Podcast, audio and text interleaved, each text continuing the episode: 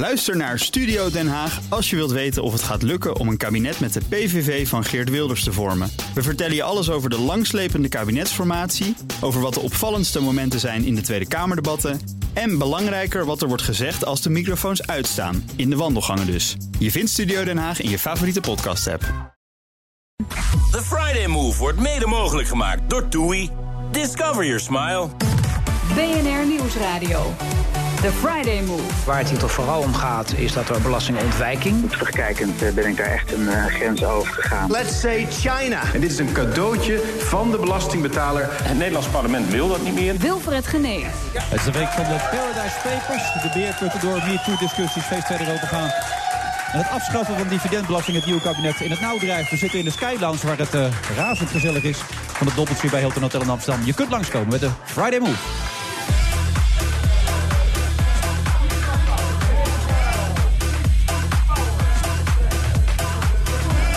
Met afstand het beste applaus wat we ooit in de, alle jaren van de Friday Move hebben gehad. Volgens mij hij was zes dagen lang wereldnieuws nadat hij was ontvoerd door de guerrilla-beweging ELN. Maar gelukkig zit hij nu weer veilig in de Skydance. En er zit hier tot half zeven Dirk Bolt. Zeker, Wilfred. Ja, zeker weten. Ja, Ja, het is hartstikke mooi hier ook, man. Ja. zonsondergang weer. Maar we zijn met de intro bezig. eh. Oh ja, zijn we met de intro Nee, dus ik ga gewoon door. ja. Nee, nee, dat je het weet. Voormalig cabaretier Mike Baudet vertelt over zijn gehooraandoening... en zijn audiobiografie Trill. Waarin hij alle geluiden heeft beschreven die hem dierbaar zijn. En optimisten hebben de wereld. En hij zit al naast me, hij kan er alles over vertellen. Want hij zegt het zelf, Charles Groenhuizen.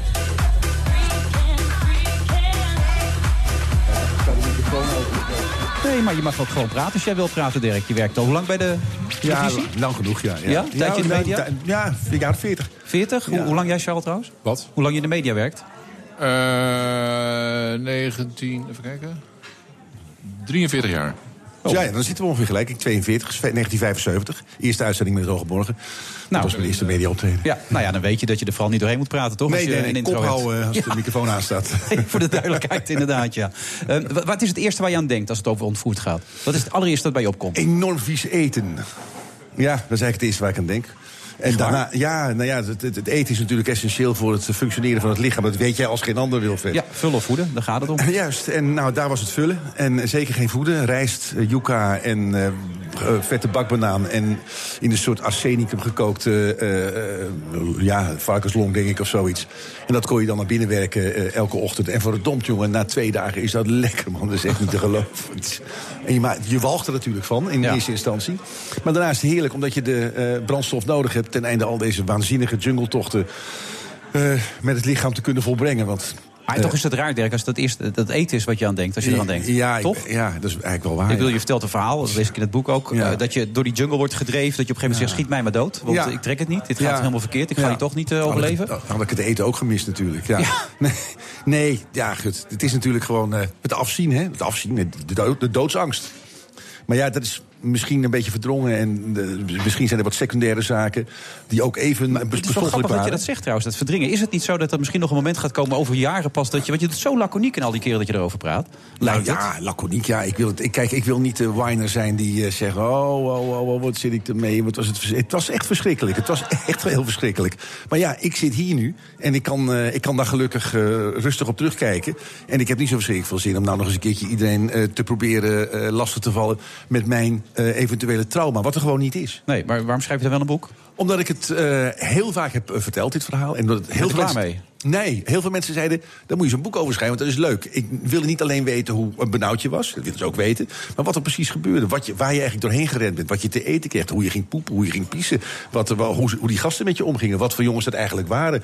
Hebben ze je bedreigd met eh, eh, geweren? Eh, hoe, hoe, hoe, erg heb je in spanning Kun gezeten? je even een antwoord geven op al die vragen die je Nou, nu net dat- stelde? dat- ja? nou, die Ja? staan allemaal in het boek. Oh, die, oh ja, Ja. dat ga je hier niet doen, begrijp ik. Nou, ik wil het best doen, maar dan één voor één. En als jij ze nog komt te houden, dan mag je ze stellen. Nee, dan is het Nee, makkelijk om over de poep en plassen te beginnen. Maar veel belangrijker is dan de, de band met die jongens. Die was in het begin even lastig, maar daarna was het best relaxed, Ja, ik was, ook. was heel. Nou ja, ja was best oké. En ik ben natuurlijk nieuwsgierig naar wat deze eh, jonge eh, rebellenclub eh, allemaal vindt en denkt en wil doen. In, Jonge in- rebellenclub. Ja, het waren hele jonge Klinkt als. George in de rebellenclub, Ja, op deze manier weer. Hè? Ja, absoluut. Ja.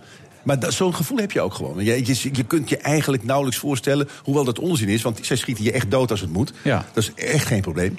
En het zijn ook jongens die je als jochies daar ziet... zoals ik mijn kinderen zie, zeg maar. Maar die, als, ze, als je de jungle invlucht, dan zijn zij degene... die als een speer met hun ogen dicht door door gebied lopen waarvan... Waar, waar, waar Tarzan nog, nog, nog zeg maar een puntje aan zou kunnen zuigen. Ja. Die zijn oersterk, die jongens. Maar het zijn jochies. Het zijn echt jochies. En ze zitten een beetje met een pistooltje schoon te maken en een geweertje. En een beetje te lachen met elkaar en weet ik veel wat. Maar ze zijn niet onaardig. Ze geven je keurig koffie. Ze maken het eten netjes voor je klaar. Ze zijn beleefd tegen je. Spreken met twee woorden. Ik bedoel, buitengewoon voorkomend. Dus ik vo- vond het wel interessant om te weten. Wat wil je nou eigenlijk in je leven? Wil je nou zo doorlopen gaan met zo'n zo'n schietgeweer? Ja. Dat wilden ze eigenlijk niet, want de ene wilde gitaar leren spelen... de andere wilde eh, schilder worden. Kunstschilder dan wel te verstaan. Zo. Ja, en er was er zelfs één die wilde paus worden.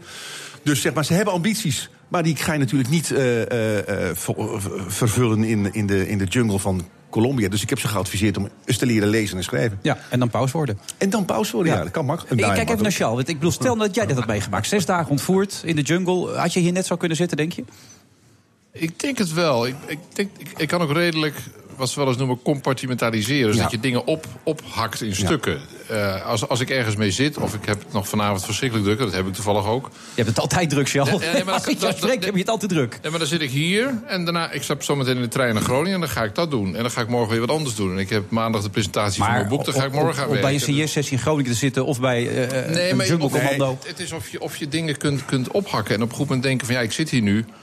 Eh, maar hoe groot is de kans nou echt dat wat gebeurt? Ja, en als we, ja, nee, ik denk dat ik, in ieder geval achteraf, ik denk dat ik heel bang geweest zou zijn, Dirk ook geweest Wat ik is. zeker ook ben, absoluut. Ja, absoluut. Nee. En dat je dan daarna sluit je het ook af, denk ik. Ik denk dat ik niet dat ik heel lang, ik zou, ik zou niet heel erg hulpverlening Maar nodig jouw hebben. cameraman Nee, daarentegen, Niet op Eus. doen of zo, maar... Nee. Ja, hij heeft een jong, Eus heeft een jonger kind. Eh, Ja. En dat kind heeft daar erg... Kijk, mijn kinderen hebben daar ook... Ik bedoel, dat is ook heel verdrietig geweest. Heb ik later gelezen. Dat vind ik ook niet fijn om te lezen. Want ik verspreid liefst... eh, Maar verbaas je dat dan, dat ze daar last van hebben gehad? Nee, het verbaast me. Nou, nee, het verbaast me niet, maar het is toch confronterend. Ja. Eh, want ik zie mijn kinderen natuurlijk liever gelukkig en niet verdrietig om iets wat ik, wat, waarvan ik het gevoel heb dat ik het veroorzaak. En als je bij een klein kind, wat daar erg mee zit en waardoor moeder ook eh, erg. Begaan is met het kleine kind en zelf ook geleden heeft... als dat allemaal op jouw bordje komt... dan voel je jezelf natuurlijk eh, buitengewoon verantwoordelijk... voor wat je hebt aangericht, of dat zou kunnen. En dat kan je wel parten spelen. En bij mij is dat minder, omdat... Ja, mijn kinderen hebben dat vrij snel losgelaten. Mijn ouders claimen niet dat ik de oorzaak ben van het, al het kwaad... maar dat ELN daar toch tamelijk voor verantwoordelijk is. Hoewel het daar niet helemaal onveilig, eh, helemaal veilig was, toch? Nee, niet helemaal, maar dat is het nergens in de wereld, Wilfred. nou echt ja. niet, echt niet.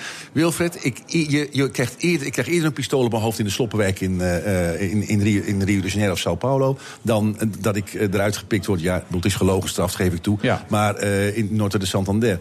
Bedoel, de verwachting was daar zeker niet dat dat zou kunnen gebeuren. Maar je, gaat weer terug, begrijp ik ook. Je wil ze zien. Nou, ik zou die jongens Die graag willen zien. naar de ja. eh, ook die nou worden of, en- ja, ze die paus gitarist, geworden zijn. ja. Ja.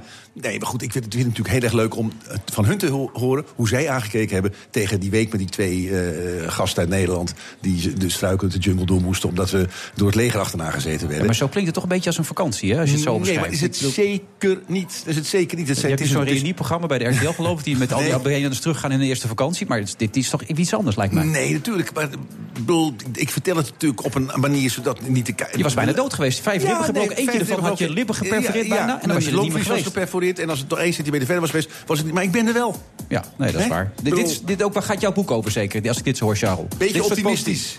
Ja, en bij mij gaat het over een iets andere... vorm. Maar zeker als je er zo naar kijkt en niet denkt van... oh shit, shit, shit, ik had dood kunnen zijn. Maar hup, hier zit ik. Ja. Ik bedoel, het glas is half vol. Ja, zeker. Ja, en voller dan Ja, dat. meer dan dat, misschien ja. wel nee, dat spreekt me zeer aan. En dat maakt het ook makkelijker. Dat bedoel ik net ook, van dat je... Als je dan denkt van, ja, nou, het had anders af kunnen lopen... maar het is Ja, wel zeker goed gegaan. als je gemarteld bent, of weet je wel, als je je nagels uitgetrokken zijn, je, je, Ja, dan- je dan praat je dan anders, praat je ja. gewoon anders. Ja. Absoluut. Dat is absoluut Maar dan zo. krijg je echt een soort imprint in je kop die je er niet meer uitkrijgt. Ja. Voor Mensen met KZ-syndroom. Ja. En, omdat het bij jou ook vrij kort duurde Ja. uiteindelijk. Hè? Maar ja. Ja, ik Voelde dat zeggen- ook zes dagen, kort? Of? Nee, dit voelde wel best wel lang hoor. Ja, Ja, ja, hè? ja, en, ik, en, als het, en als het op losgeld uit was gedraaid, dat wisten we ook wel, dan gaat het veel langer duren. En dan kun je misschien wel een maand onderweg zijn. Of ander, nee, dat is echt wel. Ja. nou, dan je- wordt het killing. Had Ja. je deze uitzending ook niet gehad? Oh nee, wat Nou, dit had ik dit, net wel gehaald. Ja, Ja, dat. Maar dat had ik het boek misschien niet gehaald. Dus. Nee, dat is waar. Maar je zit hier tot half zeven. Praten we daar over veel andere dingen. Ook over het positivisme van Charles Groenhuizen. Zometeen. Heel goed.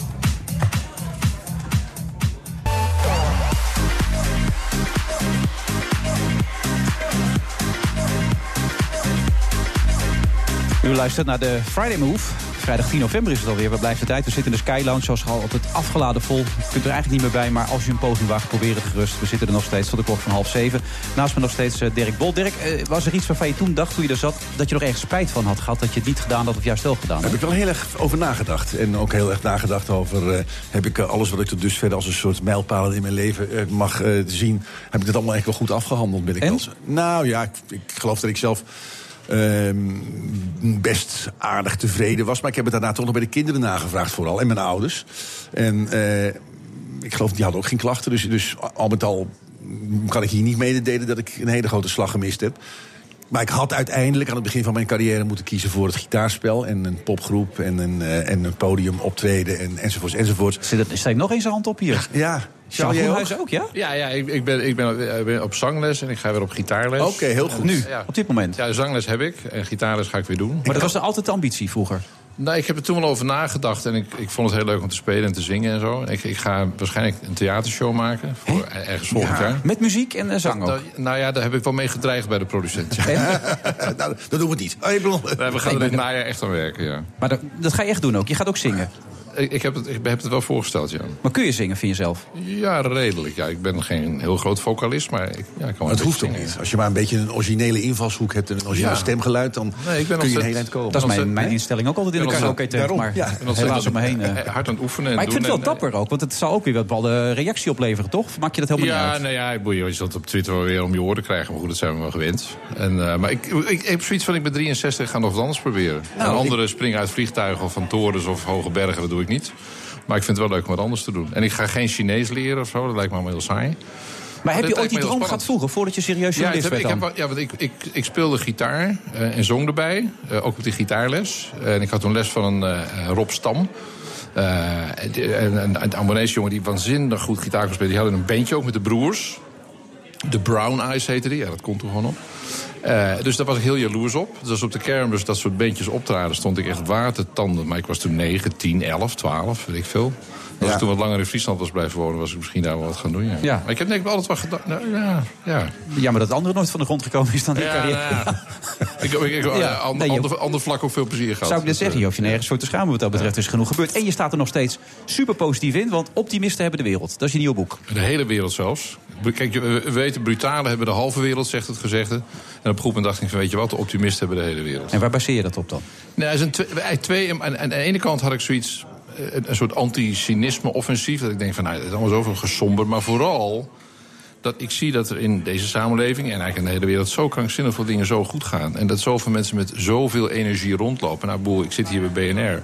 Het aantal jonge ondernemers. Hoeveel heb jij er aan je tafel gehad de afgelopen het vier, vijf jaar? Dat is onvoorstelbaar. Ja. Er zijn er Eh, meer dan en- ooit, las ik toch? Of, eh, Ja, het zijn er meer dan ooit. En, en je kunt ook makkelijk, je hebt hier een laptopje staan. Daar kun je een bedrijf mee beginnen. Vanavond nog, of morgen, Ja. volgende week. En dat gebeurt ook massaal. Als ik, ik woon in het centrum van Utrecht. Als ik 200 meter rond mijn huis het aantal nieuwe soorten bedrijfjes, winkels, het aantal tweedehands winkeltjes, 100 meter verder het aantal bedrijfsgebouwen waar 30, 40, 50 start-ups zitten. Die hebben geen tijd om te sommeren, Wilfred. Die, die, die gaan gewoon full speed gaan ze door. En die lezen rapporten of ze horen erover. Ja, we krijgen massale werkloosheid. Die hebben zoiets van, hoezo? Aan de slag. Ondernemen en doen. En dat is een beetje wat ik in het boek probeer te doen. Heel veel voorbeelden laten zien van mensen die het gewoon doen. Hier, maar ook bijvoorbeeld in ontwikkelingslanden. Maar ben je het ook voor jezelf uit optimist? Of pak je het een beetje op omdat je het ziet om je heen? Nee, ik heb het zelf ook wel. Nee, wat ik net noemde, dat ik, dat ik aan nadenk... op een goed moment gewoon gaan praten van... ik zou eigenlijk wat theater willen maken. Ja. En toen kwam, was een theaterproducent, uh, Sent, die zei... nou, laten we maar eens gaan kijken, laten we maar eens proberen en, en presenteren. Ik heb het laatst gepresenteerd bij een aantal directeuren van theaters. Een, soort, ja, een soort showreel wordt dat dan. Ja. En een aantal zeiden, ja hoor, ik ga jou boeken. Maar wat breng je dan? Waar gaat het over? Het gaat over optimisme. En het gaat over laten zien van dat, het, dat het in heel veel opzichten heel goed gaat in de wereld. Het is een soort thea- je moet het zien als een theatercollege, wat André Kuipers ook doet. Ja. Of Maarten van Rossum en anderen. Eh, dat je, het is een beetje een combinatie van een college, lezing en wel een probeert theatraal te maken. Ik was laatst bij Mark de Hond bijvoorbeeld. Ja, die vertelt heel erg zijn eigen verhaal op een eigen manier. Dus ik ben, ik ben heel veel theatervoorstellingen aan het zien nu. Met name ook een beetje in mijn hoek, zeg maar. De Verleiders bijvoorbeeld, ben ik onlangs geweest. Hartstikke leuk. Maar het, het, het, het dwingt Nou ja. je op een andere manier naar dingen te kijken en andere dingen na te denken. Ik zit nu dingen te verzinnen van hoe zou ik liedjes kunnen schrijven hierover. Zonder dat het heel flauw en vervelend wordt. Dingen te bedenken. wel opmerkelijk. want Ik had hier vorige week Arjen Erkel, die natuurlijk 15 Ja. jaar geleden al lang vast heeft gezeten. En die heeft er al heel veel over verteld. En die gaat nu ook het theater Ja. in. Eh, Ik vroeg op een gegeven moment aan, denk je niet dat je een keer verder moet in je leven? Maar hij zegt, ik heb nog steeds zoveel erover te vertellen. Kun je dat voorstellen? Eh, 15 15 jaar jaar. is wel veel natuurlijk. Eh, het, kan, het kan je leven worden. Hij heeft natuurlijk heel wat meer meegemaakt dan wij mee hebben Ja. gemaakt. Dus dat langer zeker is vastgezeten, veel langer ja. vastgezeten. Ja, 607 dagen. Ja, dus voor hem is het natuurlijk veel, veel bepalender in zijn leven geweest. Dat begrijp ik wel. Ik, ik Jij gaat er zelf- geen theaterprogramma over Nou, maken. ik, dat is heel grappig. Maar het, het- vanaf het, vanaf het moment. samen, Dirk, nee, hè? maar als je vanaf het moment dat wij eh, daar uit, eigenlijk toen we op een ezeltje zaten met hele grote sombrero's op, totaal kapot en gehavend, bovenop zo'n berg uitkijkend over zo'n onweersdal, schitterend allemaal. Toen keken we elkaar aan en dachten, we moeten hier een toneelstukje van maken. We moeten hier een theatervoorstelling van maken. Gewoon op ezeltjes het theater door en, en het een beetje in een, een, een, een, een, een, beetje een badinerend perspectief zetten met een serieuze ondertoon. Ja, daar hebben we wel steeds over nagedacht. Want het, het, is, het heeft iets theatraals wat, je, wat, wat gebeurt. Het is iets, het is iets krankjoris wat je meemaakt. En gelukkig geconstateerd in zes dagen en niet in 600. Ja. Dus het scriptschrijven is een stuk eenvoudiger. Oké, dus twee theatervoorstellingen Ja, je kan ik hier noteren. terug in het theater. Ja, dat Nee, wordt maar het is heel populair, hè? Dat je, dat je, het is Zeker. toneel Ja, en ja. cabaret en grote shows is allemaal fantastisch. Maar dit soort programma's... Ik was van de week ook weer hier in de Meervaart weer één. Dat, dat ging ook heel over positief leven. Echt afgeladen vol. Ja. Ja. En mensen leven geweldig mee. Dit is heel interactief. Ik denk dat ik dat ook voor een beetje ga doen. Maar het dwingt je ook, Wilfred, om op een andere manier naar dingen te kijken. Dat je denkt, als ik nou eens een kwartslag draai... dan heb ik nog mijn verhaal, maar dan vertel ik het net op een andere manier. Zoals cabaretiers dat ook doen enzovoort. En het is gewoon, ja, eh, ik kan ook gewoon Maar een je beetje op mijn lauweren gaan rusten. en Mijn omroeppensioen komt eraan. Dat moet je niet doen. Maar nee, Het nee, beste dus. gaat nog komen, weet Nee, je dus. Dat gevoel moet je altijd houden. Uit allerlei onderzoeken, we hebben Erik Scherder hier ook wel eens gehad. eh, Zelfs op late leeftijd, als je je hersenen blijft trainen... als je fitter gaat leven, als je meer aan sport en andere eten gaat doen... dan nog kun je een enorm verschil maken voor jezelf. Dus dan, alleen daarom zou je het dan moeten doen. Nee, Maar, zes- 60 is het nieuwe 40. Nou ja, zo. Ja, dat, die uitdrukking vind ik altijd een beetje... de- Ja, maar het is wel waar. Als je, als je naar de generatie van 60 plus... Ja, het is een cliché, maar als Ja. je naar de 60 plus generatie nu kijkt... wat die nu kunnen, wat ze doen, hoe ze eruit zien... hoe ze zich kleden, wat ze ondernemen... dat is ongekend als je het vergelijkt Ja. met mijn ouders... met helemaal mijn grootouders. Het, het schuift echt een... Qua activiteit schuift het een generatie op. Maar je ik voelt vond je mijn ook- ouders toen ze 40, 45, 50 waren... waren ze deze ook voor een deel oud. Je ging op je 65ste ging je bejaardenhuis in. Maar het is niet gegarandeerd zo, Charles, dat je dan nog een jaar of 30 hebt na je 60 hoor. Dus, Nee, bedoel, nou ja, maar statistisch wel 324. ja, statistisch. Maar sta- statistieken, daar heb ik toch een beetje. Nou ja, eh, heb ik ik wel ga een er beetje maar vanuit dat ik daar ruim voorbij schiet. En als je hebt chronische bloedziekte. Ook Ja, waardoor je niet helemaal ja. weet hoe lang het nog is, toch? Nee, ik weet, ik moet, ik moet een pilletje slikken elke dag en dat houdt het chronisch. Maar het kan ook zomaar ontsporen en dan is het. eh, eh, Nou, dan heb je een uit- ander perspectief. Ja, heb je een maar, maar dan nog heb je het perspectief van aan de slag en leuke Tuurlijk, dingen nee, nee, absoluut. Ja. Ik bedoel, het is zeker niet zo dat ik dan bij mezelf denk, nou weet je wat, dan ga ik hier wat dood liggen te gaan. Dan, eh, Nee, die keren dat ik jou nou mee heb gemaakt, je hebt een energie. Ja, ja, helemaal dat- nergens dat, over. Dat heb, ik, dat heb ik inderdaad wel, ja. En dat, probeer ik zo. maar dat eh, heb jij waarschijnlijk ook Nee, maar optimisme is ook een keus. Hè? Het Church heeft wel gezegd, er is eigenlijk geen andere mogelijkheid. Want er zitten somber en pessimistisch zijn, dan word je minder actief. Je wordt wordt ook minder oud trouwens. Je bent minder aangenaam voor je omgeving. Er zijn, hoewel Churchill van deel depressief was... maar tegelijkertijd een rasoptimist. Ja. Kijk maar wat hij gepresteerd Ja. heeft. Maar het is een eh, eh, eh, prachtige uitspraak over iemand die naar een donut kijkt. En dan zeg je van ja, pessimisten, of, optimisten zien de donut en pessimisten zien het gat. Ja, ja, ja. En dat is een keus. Kijk Ja. naar het gat Ja, het is kijk naar inderdaad de een donut. keuze. Daar ben ik wel met je eens. Ik heb mij op een gegeven moment voorgenomen, ik denk rond mijn veertigste... om nou eens eh, voortdurend te lachen in plaats van zagrijnig te kijken. En het alles Ja. eens wat zonniger in te zien dan ik eigenlijk eh, deed. En dat, Word een dat, prettige mens. Dat is pret, ja, prettige de omgeving reageert er meteen op. Want Ja. je bent plotseling Maar, maar een stuk 60 is het nieuwe 40. Dus 50 is het nieuwe 30. Ja, je zit even mee te Kijk, sowieso worden we gemiddeld echt 20 jaar ouder dan twee generaties geleden. Is gewoon Dan ben je al wel volwassen in deze telling, eh Ja, Wilfred, toch? nee, dat is goed inderdaad. Maar dan weet ik dat even. Eén één belangrijk ding. Je schreef tien jaar geleden al Leven Nederland. Ook een optimistisch boek. Is er in die tien jaar veel veranderd? Volgens mij is een aantal dingen alleen maar beter geworden. De technologie is ontzettend voortgeschreden, waardoor we een aantal dingen kunnen. Simpelweg deze telefoon, wat je bijvoorbeeld Ja, in de derde wereld daarmee kunt. Eh, eh, eh, als je kijkt naar wat er aan artificial intelligence, kunstmatige intelligentie aankomt, smart data. De macht van consumenten dankzij gewoon internet. Is onvoorstelbaar. Ja. Dat, dat zijn een aantal dingen echt ontzettend verbeterd. En de wereld wordt steeds, als je het op lange termijn bekijkt, steeds vreedzamer bijvoorbeeld. We denken van niet van al die terroristen, maar dat valt er echt, dat valt echt Ja, in mee. praktijk blijkt het heel veel beter te sinds zijn. 1945 echt een steile lijn naar beneden. Echt een springschans naar beneden. Als je kijkt Dus naar die beeldvorming die we met z'n allen nu een beetje mee, mee bezig zijn, daar moeten we mee stoppen, zeg jij. Angst is het, het wapen van de journalistiek. Oké. Dus dat is wat er overheerst nu, de angst. Ja, ik heb een groot en vrij streng hoofdstuk over journalistiek geschreven. We moeten echt op, ophouden met de manier waarop we dat nu doen. Jongeren houden massaal op met gewoon media lezen en luisteren. Die houden gewoon, die, die they tune out. Echt heel veel. Ik spreek heel de- veel jongeren, ook bij mijn presentatie, en heel veel jonge mensen. Die zeggen van, Charles, ik doe het gewoon niet meer.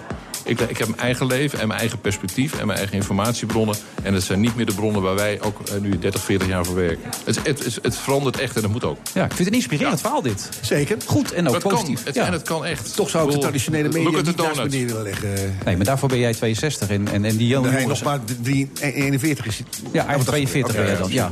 Eh, succes vanavond in Groningen. Met. Sierra, dus je moet er nu naartoe. En eh, ik hoop je snel weer te spreken, Charles. En hou Dankjewel. dat vast, jongens. Het theater in allebei. Gewoon, posters. Kom je goed kijken? allemaal. Gaan we tegenaan? Ja, ik denk het wel. Vind je het leuk? We gaan het even Mike Baudet vragen. Die kan misschien ook nog wat tips geven. Zo na de reclame. mooi piano erbij spelen. BNR Nieuwsradio. The Friday Move. Waar het hier toch vooral om gaat, is dat er belastingontwijking... Terugkijkend eh, ben ik daar echt een eh, grens over gegaan. Let's say China. En dit is een cadeautje van de belastingbetaler. Het Nederlands parlement wil dat niet meer. Wilfred Genee. Marit Bouwmeester, Dirk Zelenberg en Theodor Holman zijn straks nog de gast in deze uitzending van de Friday Move. En hij zit er tot half zeven. Dirk Bolt.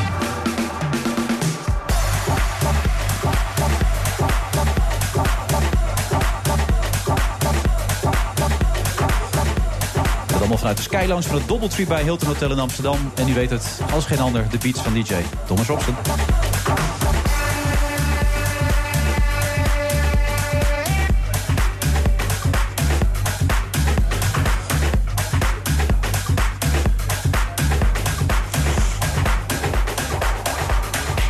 Op vrijdag 10 november. At BNR Friday Move, at Wilfred Genee. Heb, je- heb jij een Twitter-account? Heb ik het toen? Nee, ja, niet nee, hè? nee, ik heb helemaal, helemaal niks als het gaat om sociale media. Nee, ze konden je gewoon niet vinden toen ook. nee, Nee, nee, nee, dat Wilfred, nee maar goed, je kon, je, mensen komt er op de televisie en er is al meer dan genoeg. Nou ben je Hè? 62, wat vind je van die muziek zo steeds tussendoor? Ja, eh, eh, eh, Of word je er ook eh, oud eh, voor? eh, Nou, Nee? ja, hoe moet ik het zeggen? Nee, nee, nou ja, hm, hm. kan best. Moderne muziek ben ik niet op tegen. Maar Maar, ik hou, blijf toch een beetje meer hangen in... Ik heb net tickets gekocht voor Go Go Penguin. Eh, in, in Paradiso, dat is een soort, eh, nou ja, goed, jazzy-achtig. Ik kijk even naar Mike klassiek-achtige Baudet. muziek. Go Go Pingwing, ken je dat? Nee, ik heb er nog nooit van gehoord. Geweldig, geweldig, geweldig, geweldig, geweldig. Maar, Go eh, Go Pingwing. Go Go Penguin, die gaat er allemaal naartoe. En wat is eh, dat voor muziek 7 dan? april. Wat voor genre? Ja, ehm, dat is. Ja, gut, ja, zal ik het even opzoeken op de. de- de- ik weet het niet hoe ik het moet Nee? uitleggen. Het is een beetje jazzy, klassiek-achtig. ehm, eh, eh, ja, lekkere, lekkere, Ja. lekkere. Voor een beetje ouderwetse pop. muziek. Een beetje Ja. ouderwetse. Nou ja, een beetje misschien ouderwetse dance. Een beetje Oude misschien- lullenpop? Of- Nou, nee, dat denk ik niet hoor. Dat zijn A, jonge Nee? jongens. En B, eh, het is En- best. eh, Maar je zit er niet in je eentje. In Paradiso niet, nee. Nee? Nee, nee, nee. Ik, nee, ik, ik heb drie kaarten besteld, dus er gaan zeker twee mensen mee. Oké, Mike, goed dat je er bent. Zojuist hadden we hier eh Charles Groenhuis. En die quote eigenlijk Winston Churchill... dat je eigenlijk alleen maar positief in het leven kan zijn. Optimistisch, want we hebben geen andere keuze. Ja. Hoe ervaar jij dat? Ik ben een, eh, nou ik zeg altijd, ik ben een positieve pessimist. In principe is het leven kut, maar elke dag die goed verloopt is, eh, is feest. Ja. Dus eh, ik vind het in principe een tragedie, wat er allemaal gebeurt om ons heen in de wereld. Maar elke dag die ik doorkom op een eh, redelijk fatsoenlijke manier... zonder al te grote drama's en tragedies... eh, dat is een goede dag voor mij. Maar, maar generaliserend, wat, wat bedoel je met al die tragedies om ons Ja, heen dan? nou ja, kijk naar, naar eh, het, het, het klimaatgeweld, naar alle oorlogen overal. Ja, wat grappig is, Charles vertelde ons dus ja. net... dat juist dat het met, sinds 45 echt met een lijn naar beneden is gegaan. Eh, Qua veiligheid is het veel veiliger geworden. is veel minder strijd. We hebben straks nog meer vrede. Het is enorm vreedzaam geworden ten opzichte van 1945. ja, zeg misschien maar. moet ik dan echt eh, optimist worden. Nou ja, ja. dat is eigenlijk dat is ook zijn boodschap. Je kunt kiezen om optimist te worden. Je, je kunt ook zeggen, vanaf vandaag treed ik het leven tegemoet met een glimlach en enorm veel eh, eh, optimisme. Al is het alleen maar om jezelf te redden. Ja, ik heb altijd vrij laag ingezet. Maar nu ik deze informatie heb... Ja, ga je er toch anders over nadenken? ja, daar ga ik toch anders over Ja. nadenken. Nou, ik, ik, steek hem ook, Bedankt. ik steek hem ook zo bij jou in. Want je, je hebt al eens vaker hier gezeten. Dat heb je ook verteld over, over je depressiviteit wel. Ja. En nou hoor ik ook nog dat je ook nog een gehooraandoening hebt. Dus ik kan me voorstellen dat het optimisme niet altijd even aanwezig is dan. Of, Nou, ik ben inmiddels zelf eh, wel gewend aan het idee dat mijn oren achteruit gaan. Maar eh, toen ik het ontdekte, dat is eigenlijk al jaren geleden... dat ik een eh, probleem had met lawaaidoofheid... toen was ik daar wel eh, behoorlijk somber van, ja. Ja. ja. toen dacht ik wel, oh jezus, mijn hele carrière stort Nou, in. je leven draait toch om muziek? Ik bedoel, Ja, eh, heb je ja. oren wel voor nodig natuurlijk. Ja, maar niet alleen je carrière, het is je motor. Je hebt toen ook verteld wat muziek met je doet. ja, muziek is niet alleen mijn werk, maar ook mijn hobby. Ja. Dus, je passie, eh, je alles, je liefde, ja. toch? Alles gewoon. Ja, maar het is, betekent ook niet dat ik geen muziek meer kan maken. Ik kan alleen moeilijk met grote orkesten en big bands en harde muziek omgaan.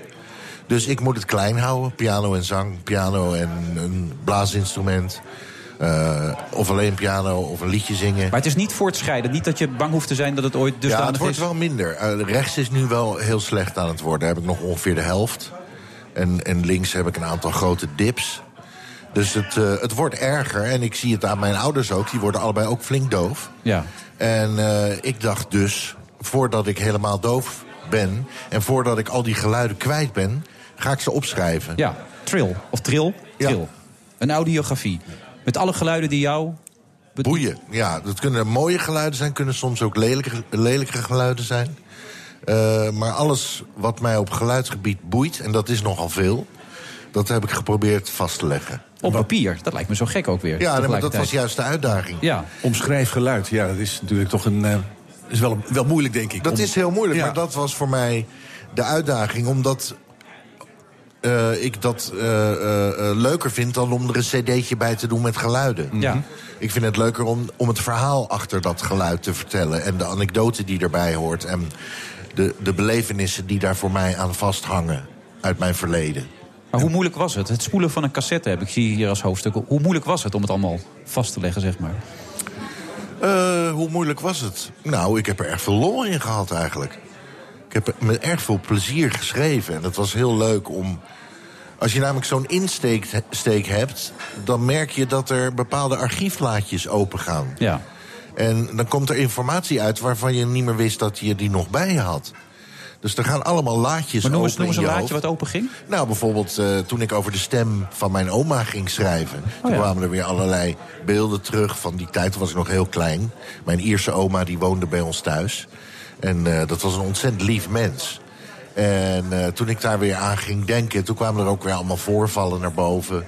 En situaties. En voelde ik mij weer op een bepaalde manier ook dicht bij haar... door dat op te schrijven. Ze is al jaren overleden, dus... eh, Ja, grappig dat ze je het zegt. Ik zie opeens bij ons thuis vroeger... in onze Krijf van Helmstraat van de trap afglijden... met mijn handen over de leuning. Wat voor geluid dat maakte. Dat als je eraan denkt aan dat geluid... dan komt het gewoon Ja, weer boven. Weet je wel. Dan zie je jezelf weer glijden. Absoluut. En ik, weet- nou, nou, je het hebt over de stem van, van je oma en de stem van mijn oma's kan ik, en mijn opa kan ik me zo voor de geest halen. Het raar is, dit, dat stemmen blijven je onwaarschijnlijk lang bij. Ja, Echt ongelooflijk lang. Ja, ja, ik bedoel, kan, echt- ik kan nog, ik kan nog eh, leraren van de, van, de, van de lagere school horen praten, bij wijze van spreken. Oh, Het is ja. heel, ja, het is heel wonderlijk. Dat er toch heel veel dingen zijn die je mens vergeet. En dat is maar goed ook. Maar dat stemmen Ja. toch zo'n zo'n zo'n goede plaats in, een, eh, in het. ja, maar had dat ook iets te maken met de persoon in kwestie... die iets Ja, kan. bijzonders voor je betekent? of? Kan. Maar ja, eh, hoe, weet je nog hoe je eerste vriendinnetje sprak? Ja. Ja, ik, ik ook. ja. Nee, dat weet ik dus niet Ja, ik wel. Ja, ja, die stem die haal ik toch zo voor de geest. Nee, ik kan me heel veel stemmen voor de geest halen, maar... De serieus- stem van mijn eerste vriendin... Hoe serieus was dat? Ja, Hoe dat was voor mij wel bloedserieus. Ja, Ik heb ook- er ook een stukje over geschreven. Maar daar niet over haar stem dus. Nee, niet over haar stem, maar meer over het geluid van een feest... waar we allebei niet naartoe gingen. We waren, je had in Rotterdam had je het Victoria Feest. Ja. Dat was een hockeyfeest en daar gebeurde geweldige Daar gebeurden wel dingen. ja. En eh, daar moest je dus naartoe, maar ik mocht niet naar binnen... omdat ik er niet goed uitzag. Ik had geen eh kak tenue aan. Oké. En toen is mijn vriendinnetje naar buiten gekomen. En toen hebben wij de hele avond met op de achtergrond... de stuwende bassen van Ja. het verre feest... hebben wij bij de tennisbaan zitten zoenen. En dat was een... eh, Jullie spraken ook niet veel met elkaar. Dat zou mee kunnen spelen dat je die stem niet meer weet. we gingen zo snel mogelijk zoenen. Ja.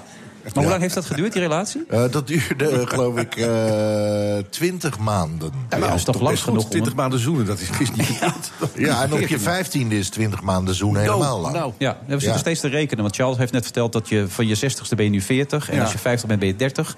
Dus, we zitten alles een beetje om ja, te dus buigen. eigenlijk was je nog een kleuter toen je daaraan begon. Als je, en, ja, Ik kom hier heel hoopvol vandaan, zeg. Dat is ook echt de bedoeling inderdaad. Goede informatie. Dat is echt heel essentieel. Wat, ik, ik las dus iets over een, cr- een crash in de auto. Vind je echt een heel fijn geluid? Wat is Een dat? botsing. Ja, waarom? Ja, ik vind dat mooi, dat scheurende blik. En die, die, die, dat glas wat je hoort breken. Eh, Het is natuurlijk vervelend dat er ongelukken gebeuren met mensen. Maar het geluid van een botsing vind ik mooi. Daar, daar be- beleef ik een bepaald esthetisch genot aan. Ik kan, het moeilijk, uit, ik kan het moeilijk uitleggen.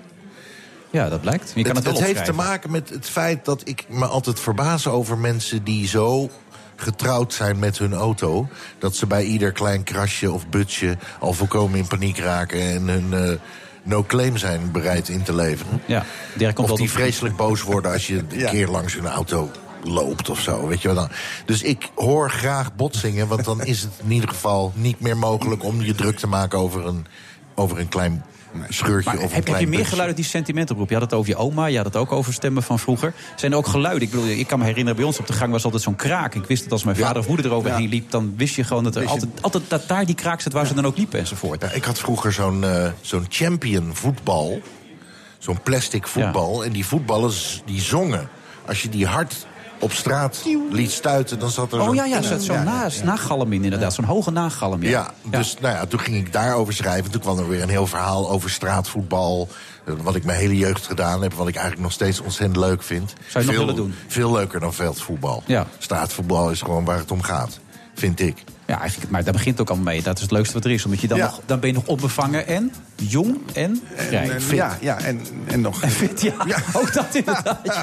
Dat Ja, speelt er ook ja. nog mee. Is er nog één geluid dat je er zo uit willen pakken... waarvan je zegt, nou, dat is een geluid dat staat bij mij op, op één, zeg maar. Het Ja. geluid van, het der geluiden, zeg Het maar. allermooiste geluid vind ik het geluid van een fluisterend kind. Als je met je kinderen, dan ging ik wel eens met, toen mijn kinderen nog klein waren, ging ik verstoppertje met, met ze spelen. En dan, dan gingen we ons samen verstoppen. En eh, dan praatte mijn zoon zo heel zachtjes om zichzelf niet te verraden, fluisterend in mijn oor. En dat is de allermooiste muziek die ik ooit in mijn leven gehoord heb. Ja, dat is wel waar, ja. Streling voor de ziel. Het zijn toch weemoedige gedachten eigenlijk. eh, die je, Jawel, er zitten, het zijn ook voor een deel weemoedige gedachten... maar er zitten ook hele lichtvoetige, meer komisch bedoelde verhaaltjes in. Eh, want ik zoek de weemoed niet al te... niet al te, hoe zeg je dat, fanatiek op. Nee, terwijl je het wel in je Want eigen... ik heb voldoende weemoed van mezelf. Ja.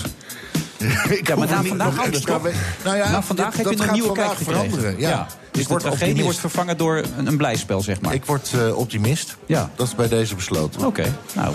Maar kunnen ze niks aan, die, aan, die- aan dat gehoor van je doen? Ik bedoel, ze kunnen, hè, de doktoren zijn zo knap tegenwoordig, weet je wel. Ik zag, Nou. gisteren zag ik nog een robotica-uitzending van iemand... ik ken ook iemand die dat heeft, zo'n zo'n zo'n aanpassing dat je... maar zo erg is het bij jou geloof ik nog niet... maar dat je gewoon totaal doof bent... maar dan toch uiteindelijk kunt horen door het implantaat in je hoofd. Ik bedoel, zijn daar geen... Er, zijn, eh, er schijnen nu mogelijkheden te zijn met bepaalde gehoorapparaten... die ook speciaal geschikt zijn om naar muziek te luisteren. Ja, ja. Want dat was altijd Ja. het probleem. Ze deden het goed, je kon mensen goed verstaan... maar naar muziek luisteren, dat ging eigenlijk niet meer... want dat was niet om aan te horen. Nee, nee, nee. Het was gewoon niet mooi. Nee. Eh, maar er schijnen nu gehoorapparaten te zijn die dat kunnen verhelpen. Dus daar ga ik mij zeker in verdiepen. ja. Moet je zeker doen. En ondertussen kunnen wij genieten van je nieuwe boek, Tril. Nou, heel graag. Ik vind het heel bijzonder bedacht ook, als ik eerlijk ben. Dat, eh, Zeker. En het, eh, het- je hebt met geuren ook vaak herinneringen. Maar geluiden, Ja. die hebben dat natuurlijk ook eh, absoluut. Ja, ik ben een audiofiel. ja, Ik- daarom. Ja, ja. Ik luister altijd eerst en daarna zie ik iets pas. ja. Dat is duidelijk. Mike Baudet, Tril, leuk dat je er was. Een audiografie. En wij gaan er even door, toch? Of zeg je nou, het is mooi geweest? nee, ga je Nou, door? nee, het is nog steeds hartstikke mooi, toch? We Ja. gaan er positief tegenaan. Zo is het. We gaan nog door tot het eh, jaartje. Optimisten. Uiteraard. Tot zo.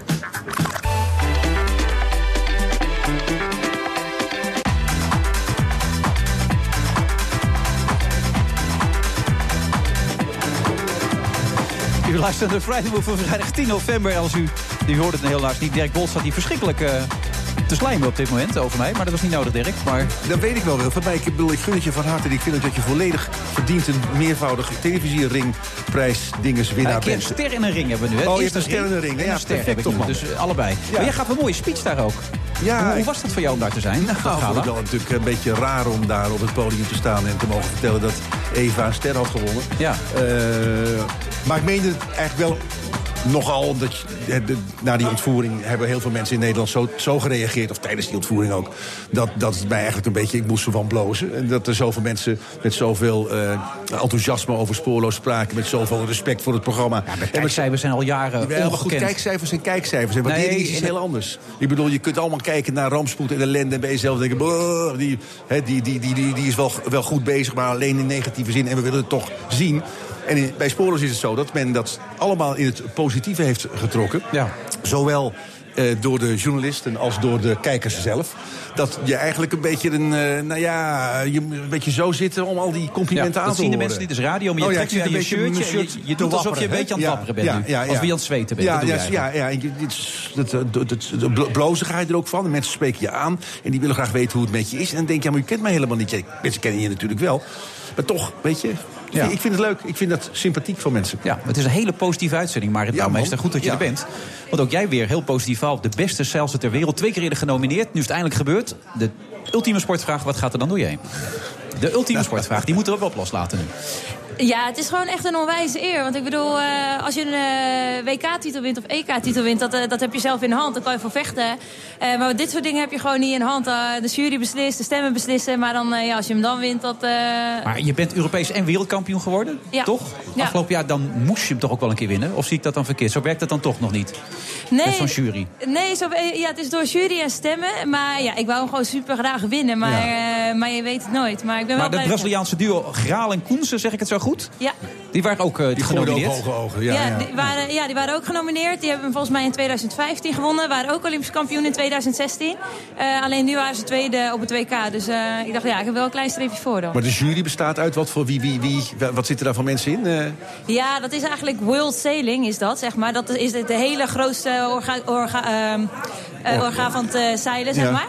Ehm, ja, wie er precies in zit, weet ik niet maar eigenlijk. die Dus ik kijken, ook, niet wie- die kijken ook een beetje wie ze sympathiek vinden of zo. Ze hebben die een Maar is er persoonlijke vriendjespolitiek? dat Ja, nou ja. bedoelt hij eigenlijk een beetje, Dirk. Is Nou er vriendjespolitiek? Nou, Eerlijk zijn nu, hè? Maar eerlijk. Is er vriendjespolitiek? Ja, ik, heb echt, eh, ik ben altijd te eerlijk. Soms moet ik mijn mening voor me houden. Nee, maar, moet je gewoon doen. Eh, Nee, ja, ik weet het niet. Maar eh, je kon op drie manieren stemmen. Stemmen van het publiek en dan zijn jury. En die mensen die daar zitten. Maar heel World Oké. Sailing zijn vooral Engelsen. Dus ik had altijd zoiets van, ja, als de Engelsen genomineerd zijn... is het super lastig om te winnen. Ja. Want die Ja. heb je dan een beetje nationalistisch. Dus eh, vaak als als Nee, dat heet vriendjespolitiek dan, hoor. En die man, Ja. die, jou, die man die jou aankondigde, die klonk zo als Sombermans. Dat was echt werkelijk... Hij murmelde je naam bijna.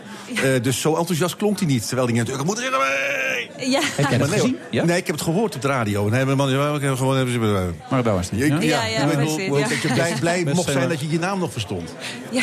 Was het echt zo Ja. erg? Ja, het was geen Nee. uitbundigheid eh, te Eh, bemerken? Nou, nou, viel mee hoor. Het was wel echt een hele mooie eh, ceremonie. Het was eh, in Puerto Vallarta in Mexico. Hoorden alleen maar En, het ene stukje hoorden wij alleen maar. Hè? De winner is... Ja, ja, ja, precies. Nou, het was wel, eh, was wel gaaf. Het hadden ze echt mooi aangekleed. Het was een heel chic diner eh, buiten met heel veel mensen. En eh, eh, ja, dus dat was gewoon heel erg gaaf eigenlijk om daar, om daar te zijn. is lekker ook Portoverjaard. Ben Ja, zeker. geweest? Ja, nou, ik geloof, waar, waar, Mexico is het natuurlijk. Hè, welke kant? Caribisch of Pacific? Nee, aan de andere kant zit het helemaal. Je moet helemaal doorvliegen. Aan de andere kant Ja, hoor. aan de andere kant, ja. Ja, dat is echt een eentje vliegen is het hoor. Acapulco?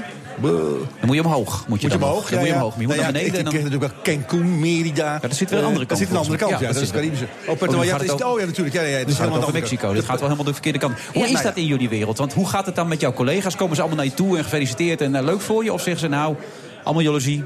Nee. Nou, dit, is, dit zijn allemaal wel rare awards of zo. Want eh, alleen de genomineerden worden eh, ehm, daar uitgenodigd. Ja? Dus we zaten vooral met heel veel mensen die eh, in de organisatie zaten. Dus ik eh, haalde de leeftijd goed naar beneden, zeg maar, daar. Maar is er veel eh, onderlinge competitie op een verkeerde manier? Of is iedereen binnen de zeilwereld heel erg aardig tegen elkaar? Ehm, Jouw twijfel zegt al genoeg, denk ja, ik. eh, wel hè. Ja. Ja. Hoe komt dat zo dan? Wat is dat voor inslag dan? Ja, ik denk toch dat het is omdat in die sport dat we met z'n allen tegen elkaar eh, zeilen, zeg maar. Dat we met z'n zestigen of honderden naast elkaar op een startlijn liggen. Dus je concurrentie kan je ook echt zeg maar, dwars zitten in de race zelf. Dus ik denk dat daardoor eh, soms de competitiestrijd zeg maar, heftiger is dan dat je een 100 meter sprint doet waar iedereen zijn eigen baan heeft. Zeg maar. En wij kunnen elkaar ook echt, echt, als we elkaar willen naaien, zeg maar, om het grof te zeggen, Ja. dan eh, kan dat ook echt. Dat doe jij zelf ook? Als je Ja. iemand kan naaien, dan doe je dat.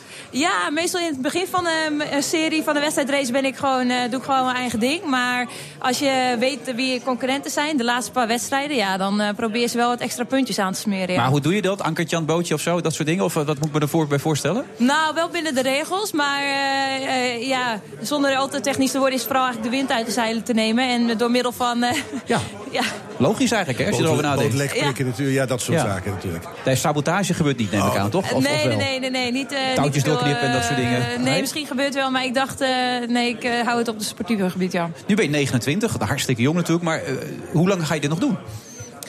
Ja, ik denk de meeste zeilers die, die zit je zeg maar op je 24ste zit je vaak op je eh, begin je echt goed te worden, want het is echt wel een beetje een ervaringssport en meestal gaan ze door tot 36, 40, eh 36 vaak in het Olympische circuit.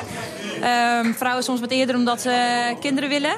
Dus ik zou sowieso wel eh, nog één kunnen doen. eh, waarschijnlijk nog wel twee, eh, twee Olympische Spelen. Dat heb je ook als ambitie. Nou, ik dacht eerst maar eh, alle bal op Tokio en dan zien we daarna wel, eh, wel verder. Maar eh, ik bedoel, als je iets lang doet, ik vind het nog steeds verschrikkelijk leuk om dit te doen, maar dat geldt niet voor alles. Wat maakt het nog steeds zo leuk, dat zeilen dan? Het is heel bij jullie in de familie. Jouw, jouw broer kan ook geweldig. Die is een geweldig coach, begreep ik ook, toch? De beste zeilcoach van het jaar. Dat zit bij jullie in de familie dus een beetje ook. Ja, het zit wel een beetje in de familie, maar het is gewoon superleuk om te doen. En je zal het misschien aan jezelf herkennen als je echt doelen stelt. En ja, vroeger, ik weet niet, ik had niet gewoon een doel zomaar naar de Olympische Spelen gaan. Maar ik had gelijk zoiets van, ja, ik moet goud winnen. Ja. Eh, en op dat moment was ik nog niet eens bij de beste 20 van Nederland. Of, eh, bij de beste 20 van de wereld. En nu heb ik zoiets van, ja, ik wil de allerbeste zelfs er ooit worden. Eh, dus dit is Ja, maar een... dit is maar een kleine ambitie, ja. Ja, ja, ja, ja. dus dit is maar een kleine Ja. tussenstap. Dus Ja. in mijn ogen is het zeg maar volgende jaar WK, weer een WK, weer de Olympische Spelen. Ehm, ja, ik merk wel dat mijn motivatie soms verandert. Dat ik er andere dingen eh, door geprikkeld moet worden, zeg maar. Dat het eh, zes jaar geleden heel anders was dan nu. Maar eh, ja, ik vind het gewoon nog superleuk om te doen. En winnen verveelt gewoon nooit. En het gaat dus gebeuren, de beste zeilster ooit? Gewoon even dat we het nu gelijk kunnen afspreken? Of? Mm, oh ja, ja om, je zegt gewoon om de eerlijkheid door. eh, Ja. Nee, ja, ik hoop, ik ga er in ieder geval alles aan doen eh, om dat eh, klaar te spelen. Maar wat moet je dan als grote resultaat nog bereiken... om de beste zeilster ooit in de geschiedenis te zijn? Nou, sowieso moet er nog eh, wel een gouden plak bij en nog een paar wereldtitels.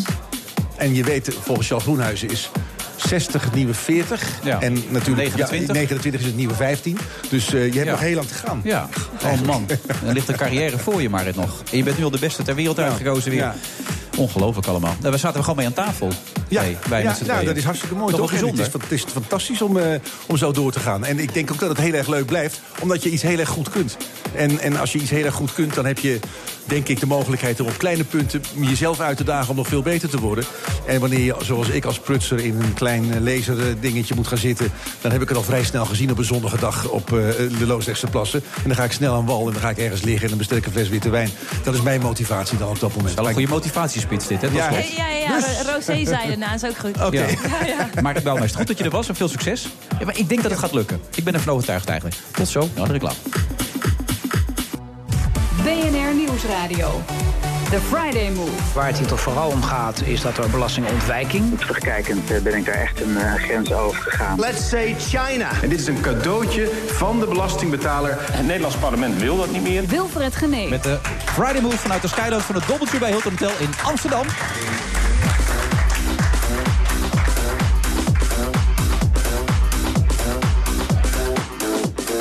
Spoorloopspresentator Dirk Bolt werd in juni van dit jaar ontvoerd... en het kostte hem bijna zijn leven. Toch, hij wil terug weer naar de jungle... en met praten met de mannen die hem ooit ontvoerd hebben. En waarom, dat gaat hij nog één keer uitleggen hier in deze uitzending... want hij is toch tot half zeven. Mijn co-host en schoonloeders, familieschandalen... last minute afzeggingen en verrassingshuwelijken. Dirk Zeelenberg heeft als trouwambtenaar allemaal meegemaakt... en heeft daar nu een prachtig boek over geschreven, De Ode aan de Liefde. Er zijn er in de voorverkoop al 25.000 van verkocht, zie ik nu. En Donald Trump werd een jaar geleden gekozen als president. Daarover schrijft natuurlijk Bernard Hammelburg even aan. 25.000 in de voorverkoop, Wilfred. Man.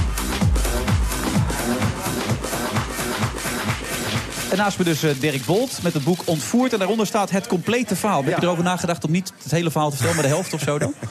Was dat een overweging? Of Of? de strikvraag? Nee, ja. nee, nee, goed, ik heb het verhaal natuurlijk al zo vaak in stukjes, in partjes verteld... dat je uiteindelijk een keer de complete geschiedenis achter elkaar zou willen lezen. Althans, als je het wil lezen. Ja. Dus, dus in, dat- in dat opzicht is het het complete verhaal. Eh, Zijn er bij jou 25.000 verkocht in de voorverkoop? Zoals Nee, ik, ik, ik, ik kijk natuurlijk met diepe jaloezie naar deze heer, prachtige gele, dat gele rondje met 25.000 verkocht in de voorverkoop. Ja, dat, kun- dat kan niet iedereen zeggen, Wilfred. Nee. Ik hoop in de naverkoop dat, het, eh, dat we zover komen. Je, spreek je zelf redelijk Spaans trouwens? Of? Ja, ja, ja, ja, dus dat is. Voor jou wel makkelijk te communiceren met die jongens? Nou, die jongens spreken geen Spaans. Althans, die spreken een soort Spaans wat, wat, wat, wat, wat lijkt op eh, Limburg staat tot Nederland, zeg maar. Eh, dat is toch wel lastig om dat eh, te kunnen verstaan. Dus we moesten wel afspreken dat we rustig met elkaar zouden spreken. Luid en duidelijk, goed articulerend. En af en toe een echt Spaans begrijpelijk woorden tussendoor. Zodat we ook enige communicatie hadden. Maar die was er zeker wel, hoor. Maar hoe, hoe, hoe lag je dan eigenlijk vastge een beetje vastgebonden? Zat je ergens in een hok of We zo? werden opgesloten, maar we zaten, ja, we werden overal kregen we de, de, de master bedroom, zeg maar, met het eh tweepersoonsbed. Dat bestond uit een houten schot. Ja. Dus heel erg vervelend om op te liggen. Eh, Dus je ligt op een houten planken en met z'n tweeën naast elkaar naar het plafond te kijken met een deur die op slot is. En, eh, met al- warm, vies, eh, dat soort dingen Koud, mee. koud meestal. Eh, In de jungle niet vies. Vies is pas waar de menselijke beschaving eh, komt. Daar is de smerigheid ook. Oh. Dus als je in in een dorpje bent, dan lig je tussen het afval, de kakkerlakken en de, en de, en de, en de troosteloze eh strontbende, zeg maar. Ja. Ja. zoals het in een armoedig huisje gaat. Maar in de jungle is het, is het natuur. Dus is, ja, daar heb ik niet zo heel veel vertrouwen in, in de natuur. Dat heb je misschien ook wel gelezen. Maar het is in ieder geval schoon. En, Maar hoezo geen vertrouwen in de natuur? nou, de natuur is er echt op uit om je natuurlijk zo snel mogelijk... en dat woord zegt het al natuurlijk... om je zo snel mogelijk kassiewijnen te maken. Ja, zo heb je het ervaren. Nou ja, het is wel zo dat vuurmieren niet, echt sympathiek tegenover je staat. En slangen, staan. En slangen ook niet. En, en, en wildstromende rivieren, nou, die denken natuurlijk niet. Maar die zijn er ook niet uitgevonden om jou nou eens lekker een eh, partijtje boskrol te laten doen. Dus, Maar was je dusdanig getraind dat je dat vol kon houden? Nee, nee dat, is toch nee, apart dan eigenlijk totaal ook? En had, wat voor schoenen had je ook alweer aan? Dat Deze, ook- dat is zoiets. Hè. Dit Deze? soort- dit soort, Nou, ze zien er nog best goed uit. Deze zien er zo goed uit, maar ik had niet oh. deze, exact deze schoen aan. Oh, Maar wel dit soort, soort, soort juwelier sneakers. Ja. Die, eh, Ze zijn gewoon eh, bij de Bata of zo, of niet? Hè? Nee, joh, Vijf dit voor komt tientje. uit de Dali- ah, die- de Didias winkel. Die, en dan anders in andere volgorde zijn Oh, oké, je mag hier gewoon Adidas zeggen. Oh. Oké, Ja, nou, we werken bij daar zender. We hebben ook een Toei als sponsor, weet je dat? Oh, Oké, echt waar? Leuk, wat, wat, maken die eigenlijk? Nee, doet er verder niet toe. Nee. Dus de natuur was erop uit om jou te pakken Nou en die ja, heb jij kunnen weerstaan. Ja, de natuur is prachtig als decor, maar de natuur, is wel je ergste vijand als je door de jungle loopt. Want de natuur die is, laat jou ook zien, die denkt, ah, daar hangt een liaan. Ik val op, ik pak die liaan vast. Die liaan die hangt gewoon los. Dan pak je je daar vast en is het gewoon geen boom, maar boomschors. Dat laat ook los. Daar beneden is vijf meter afgrond. Zes meter, zeven meter. Je denkt, had ik daar niet ergens, ergens een takje nog achter me gezien? Je pak je zo en je, verdomd, je valt niet. Omdat je door een soort adrenalinevergiftiging Ja. zo alert bent... dat je vier mogelijkheden tegelijk scant. En dat elke minuut, omdat je elke minuut wel een keer ergens dood neer kunt vallen. En dat dan 18 uur lang. Jeetje, mina, maar dan is Kost het toch... best wel energie. Dat kost verschrikkelijk veel energie. Eh, Kun je achteraf voorstellen dat je het hebt kunnen volhouden? Want ik bedoel, als je het zo beschrijft, 18 uur lang. Nee, dat is verschrikkelijk. Nou ja, de Eus, is meer van. dit is meer een diehard overlever. Dus die heeft mij ook duidelijk ingeprent op het moment dat ik totaal niet meer zag zitten om die klerenjungle door te gaan. Je houdt het vol, je houdt het vol, je houdt het vol. Sodemiet erop, hupsakee, lopen en, niks- en, en niks mee te maken. En langzamerhand ga je daarin geloven. Als je namelijk 80 keer niet dood neergevallen bent, maar ervan overtuigd was dat het wel zou gaan gebeuren, dan denk je, Ja. hé, hey, het kan. En vanaf dat moment ga je, ja, je bent kapot hoor. Mijn enkel was kapot, mijn ribben waren gebroken. Ik bedoel, het is echt niet zo dat ik erbij liep alsof ik een bootcamp aan het doen was. Nee, je beschrijft wel dat wij tot meer in staat zijn dan je zelf Ja, denkt. nu absoluut. dan. Ja, zeker. Nou ja, goed, de hartslag. Ik geloof dat we op de 200 zaten doorlopend. En, en dat dan... Maar jullie werden ook achtervolgd door het leger. Jullie moesten haast maken. Het ook, leger, toch? er was een helikopters boven ons hoofd. Dus dan, dan moet je ook door, eh, door open veld gaan tijgeren. Wilfred, ja, ik neem aan dat jij... Ben je het leger geweest? Nee, ik was een weigerjup. Ja, ik, ik ook vrijgesteld. Dus mijn tijgeren komt eigenlijk neer op een soort heenstapsprong voor bejaarden. Ja. En, dan, en dan maar hopen dat er niet ergens een helikopter is waar een mitrailleur uitsteekt. En ik, hé, hey, de loodreetje. Poem, poem, poem, poem, poem. Dat is gewoon een, een vreselijke gedachte in je hoofd. Maar ja, Hij beschrijft, je, nou, dat zei ik al eerder net, je beschrijft het alsof het allemaal een vakantie is geweest. Tegelijkertijd. natuurlijk je doet het is zo los. Je doet het zo los, bedoel ik. Ja, zo, maar, ik- zo, ja, maar- Oké, goed, dan zal ik het anders doen. Jezus, Wilfred. Nee, nee, nee, maar echt- ik, ik, ik heb wondering ervoor. je. Maar je begon al heel los erover. En je hebt er een bepaald soort laconieke houding bij, lijkt Nou ja, ik ben zo blij dat we het overleefd Ja, hebben, man. nee, dat kan ik me goed eh, voorstellen, ja. ik ben echt wel... We zijn heel diep, heel, heel, heel diep gegaan. Ja. Ik was verbaasd dat ik dat kon, hè, natuurlijk. Maar Als ik Amsterdam in moet fietsen bij tegenwind... dan denk ik al... pff, Ja, je was ook vrij laat vandaag. Ja. ik was nu nog met een taxi, kun je Oh, nagaan. oh, oh, sorry, ja. Dus, dus, dus weet je, je, dat, geef je, dat geef je bij het spuiel op... en dan denk je, nou, weet je wat, drink hier even in tussentijd een biertje... dan rust ik even uit en dan gaan we Nou, vrolijk verder. het belangrijkste dat je zit hier. Daar zijn we heel blij Ja, mee. nou, ik ook. Ik ben super blij, echt. Dat was ik ook bij die bevrijding. Ik was totaal euforisch. Ja. Omdat, ja, dat, er valt zoveel van je af. En, en, en ik zie er wel een beetje uit als Pielala. eh, Nou, je hebt een soort grijns op je gezicht ja, op die foto op de voorkant van het boek. Wel Ja. bijzonder. Maar ja, het zo, zo- ik, voel, ik voelde me ook echt zo ontzettend goed. Ondanks het feit dat je met vijf gebroken ribben zat. Ja. En echt eh, er niet uitzag. We gaan het vieren. Dat gaan we doen. Daar staat ze Oh. met Tess Postumus. Die gaat speciaal voor jou een cocktail maken... die helemaal gebaseerd is op jouw beleving, op wie je bent en waar je voor staat. En Tess, ik ben benieuwd waar, waar Dirk Bolt voor staat in jouw cocktail. Nou ja, ik ga proberen eigenlijk vooral om jou een positieve, eh, positief gevoel te geven aan, aan het land Colombia. Ik, eh, ik hoorde al dat je wel terug wil, dus zo erg is het misschien helemaal niet gesteld. Ik ben gek op Colombia. Maar Het, het toeval wil dat wij eh, buiten allemaal mooie nieuwe boeken... ook een hele mooie nieuwe rum op de markt hebben in Nederland. Uit Colombia. Oh. En ehm, vooral zeg als ik het verkeerd uitspreek... maar mij is geleerd dat het La Hechicera Ja, is. is goed, ja. Die Enchantress. Nou, het verhaal is, en het is een waar gebeurd verhaal... dat eh, de meneer die deze eh, rum gemaakt heeft... is ontvoerd eh, in Colombia door de FARC. Oh. Hij was namelijk een, eh, een bananen... eh, hij had een bananenplantage en eh, ontvoerd, uiteindelijk vrijgekomen. En het was toen tijd zo dat eh, de vark eigenlijk een soort van dwong... eh, om he- eh, hem om ook eh cocaïne te gaan eh, verbouwen. Nou, toen dacht hij, weet je wat? Ik scheid ermee uit. Weg met die landbouw. Ik ga rum maken. Nou, dat is deze rum geworden. Dus dit is onze basis van de cocktail. Het ziet er een prachtig indrukwekkende fles. Dus ja, ja. schitterend. Ja. Absoluut. Nou, ik zal hem zo ook even aan je doorgeven. Ik Want die ik ben hele gek op fles... rum ook, hoor. Dus, eh, Ja, dit is echt een prachtige fles. Aan de zijkant door. ziet het nu Maar, wat, maar wat vorige week hadden we datum daar gelet. Toen heb je gekozen voor eh, non-alcohol. Maar dit is dus een hele andere ziekte. Ja, gaat bij alcohol. we gaan het even een beetje goed maken. Nee, maar die fles die heeft hier op de zijkant, als je het een beetje kan zien... heeft hij ook ehm, allemaal in zwart hele mooie, zeg maar, de flora en fauna van Ja. het land. Dus het heet ook die Enchantress. Ja. Hè? Hij wou, in de naam wou die... ehm, ja, de schoonheid, De eh, ja, ja, verleiding ja, van het land eh, vangen. Maar ook een beetje de, eh, de gevaren. Ja, Als je, als je het wil zien, mag het. Ja, is op de, de, de Er gaat een heel klein beetje bananenlikeur in. Het was natuurlijk een, een, Oh, een, ja, reclame een de bananenplantage dat hij had. ja, ja, nee, er werden ook heel veel bananen geserveerd. Gebakken dan weliswaar. Gebakken in, in een soort stookolie. Dus, eh Ja, maar die smaakt ook steeds beter naarmate de tijd jongen, toch? Ja. op een gegeven moment heb je zo'n honger. En dan, heb je, dan verlang je je zo naar die smerigheid die je ze voor willen schotelen. Echt Maar je hebt geen buikloop gehad en zo Totaal daardoor? niet. En we hebben water gedronken, Wilfred. Nou, cola-achtige kleur. Maar, maar, maar... Geen buikloop. Nee. Ongelooflijk zeg. Ongelooflijk, Dat ja. eet je zeker vaak bij de Vebo en zo in Nederland, of niet? Nee, Nee, nee, ook niet? Nou, toevallig, ik heb gisteren een Febo frikandel gehad. Voor het eerst sinds, ik denk, 15 jaar. Ik kon niet aan de verleiding ontkomen. Oké. En terecht. Ondertussen heb je er nu, wat heb je er Ik nou heb er van bijgegooid? alles bij gedaan. Ik heb er, eh, nou, hè, we hebben de, de SCC rum als basis. Ja, niet zo'n beetje ook. Niet zo'n beetje ook, Ja. ja, een goede dosis. Eh, een klein beetje bananenlikeur, wat ehm, chocoladebitters en een heel klein beetje eh kaneelsiroop. Nou, dat heb ik doorgeroerd, zodat het een beetje verwatert. Hè, Dan gaat het rauwe randje nog een beetje af. Eh, en lekker koelt. Ja? Nou, dan gaat er wat sinaasappel overheen als een zest. Dus die oliën, die blijven bovenop drijven. Het ruik je heel lekker. Dirk En moet dan- straks nog signeren. De... Ja, joh, een slokje om te proeven. Ja? Een slokje voor de schrik. en eh, dat is hem, het is een Colombiaanse eh, Old Fashioned. Een twist op een, eh, op een heel Oh, ja. klassiek recept.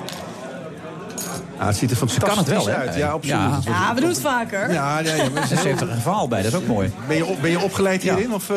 Dat is een winnares, hè? Wereldkampioen Oh, toch? oh, ja, die, waar, joh? ja, die, Ja, ja daar mogen we mogen mee pronken. My goodness, ja, heel goed. Nou, eh Ja, gaan we proeven of niet? Ja, Ja, zeker. Ja, joh. ja. Gezondheid. Mooie nieuwe uitzending zo, herinneringen. dat, eh, ja. Zeker weten. Maar hij is wel erg lekker.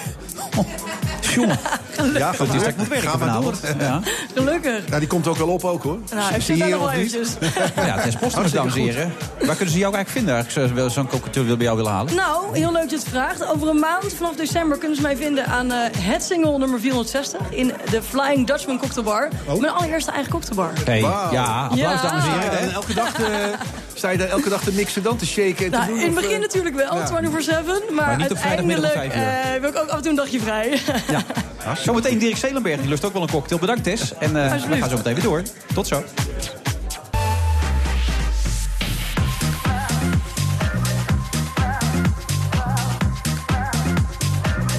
Is eh, vrijdag eh, 10 november. We zitten in de Sky Lounge voor het Doubletree bij Hilton Hotel in Amsterdam. U kunt, u hoort dat op de achtergrond nog wel langskomen, maar het zit wel vol. Eh, en inmiddels aangeschoven Dirk Zelenberg, acteur en vooral trouwambtenaar. En daarmee heeft hij ook het boek Ode aan de Liefde geschreven. We hadden het er zojuist over, want Dirk is nu al jaloers op je. 25.000 exemplaren verkocht in de voorverkoop. Hoe heb je dat nou gedaan dan? Ja, dat is... eh, ehm, ehm, Zeg het maar eerlijk, Dirk. ja, dat, nou, ik, eh, met, met name be- bedrijven die hebben zich aangemeld... naar aanleiding van het vorige boek. Ik, heb dit is mijn tweede boek. Mijn eerste boek was niet bepaald een succesverhaal. Daar heb ik er 65.000 van verkocht. Zo. Dus dat was helemaal geweldig.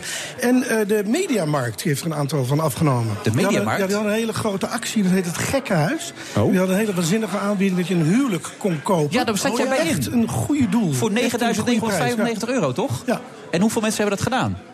Dat krijg ik nog te horen. Maar Oh. dat was in ieder geval, ik weet in ieder geval voor de Mediamarkt was het een erg groot succes. Dat, dat moet jij Ja. dus al die huwelijken voltrekken dan?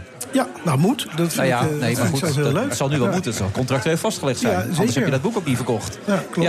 Maar je bent een handelaar, hè? Het is een handelaar. Ja, nee, maar het is geweldig. het is heel dat- goed. Het is ja. super. Ja, absoluut. Maar mag ik jullie daar eens wat over vragen? Want jullie noemen mij dan meteen weer een handelaar. Ja, ondernemertje Ik- ben jij. Ja, het? Ja, handelaar, ondernemer ben jij. Ook, Ja. zo, ook zo wijzen naar een ander. Ja. Hij zei Maar het. als je gewoon eh, eh, moet ondernemen. Dat is toch heel normaal? Ja, dat is hartstikke normaal. Maar dat is lang niet iedereen die een boek schrijft, denkt er zo over na. Die denkt, nou, ik hoop dat die in Maar de dat kan ik je uitleggen, want het is precies namelijk wat ik leuk vind. Ik heb natuurlijk altijd, mijn achtergrond is acteur. En dan heb je altijd jezelf. En dan word je natuurlijk op een gegeven moment kotsmisselijk van, zoals je zal begrijpen. Ja. En ik vind het dus leuk nu, Ja, ik begrijp dat ik een product heb. Dus ik vind het leuk, ook bij het vorige boek ook... heb ik zelfs een deal met de huishoudbeurs notabene kunnen maken... dat je het bij een paar crèmes kreeg. Dus ik heb nu voor het eerst een product wat ik in de markt kan zetten. En inderdaad, hoe, eh, hoe, hoe, hoe diverser je het kan wegzetten... hoe leuker ik het vind. Ik heb zelfs ook nu met dit boek... ik mag het merk niet noemen, maar ook een hele leuke afspraak... met Dat een mag heel je leuk verrassingspakket. Noem het maar, hoor. Ja, nee, maar dat mag van het merk niet. Maar Oh, ik heb een heel leuk eh, eh, Ik eh, geassocieerd Sinterklaas, kerst, Valentijns, moederdag eh, cadeau komt erbij. Dus dan moet je straks maar even kijken op bol.com. Ja, Oh, maar dat kan je nu nog niet zeggen. dat mag ik nu nog niet eh, zeggen. nee. Wanneer kan Maar je dat wel zeggen? Dat laat ik je ter zijner tijd weten. Oké. Maar ondertussen, de Ode aan de Liefde gaat dus over alles wat er gebeurt op het gebied van het liefde, neem ik aan. Bij allerlei vormen van huwelijken die misgaan, doorgaan enzovoort, of niet? Ja, nee, maar het zijn smulverhalen eh over de liefde in de breedste zin des woords. Eh eh, afzeghuwelijken, schoonloeders, mensen die eh, op slag verliefd worden... mensen die in de trein zitten, op Tinder de afstand hebben ingezet... dat ze eh, iemand willen ontmoeten, iemand ontmoeten, eh, eh, een match hebben... en vervolgens rijdt de trein door, de- hun liefde vergeten... dan gaan ze op zoek en uiteindelijk mag ik dat soort mensen trouwen. Ik heb heel veel eh, eh, eh, dating sites, huwelijk mensen mogen trouwen. Het is eh smulverhalen wat je allemaal meemaakt in de trouwpraktijk. Wat je in families hoort, dat mensen vertellen wat er allemaal... mag mijn ex vooral niet op de eerste rij. Mensen die in hun huwelijk niet willen doorgaan door hun schoonmoeder. Het, het is echt om je gek te lachen. Het is herkenbaar, ook ontroerend en vaak heel geestig. Maar eh, dit herken je, je zit te knikken de hele Nou, tijd, als je het sublimeert natuurlijk. Ik weet dat- niet en- nou ja, als je het sublimeert, dan kun je natuurlijk wel enorm veel rare dingen eh, meemaken. Want het betreft hier namelijk de liefde. En de liefde is een, eh, een vreemd, eh, vreemde zaak natuurlijk. Dat maakt rare krachten los in de mensen.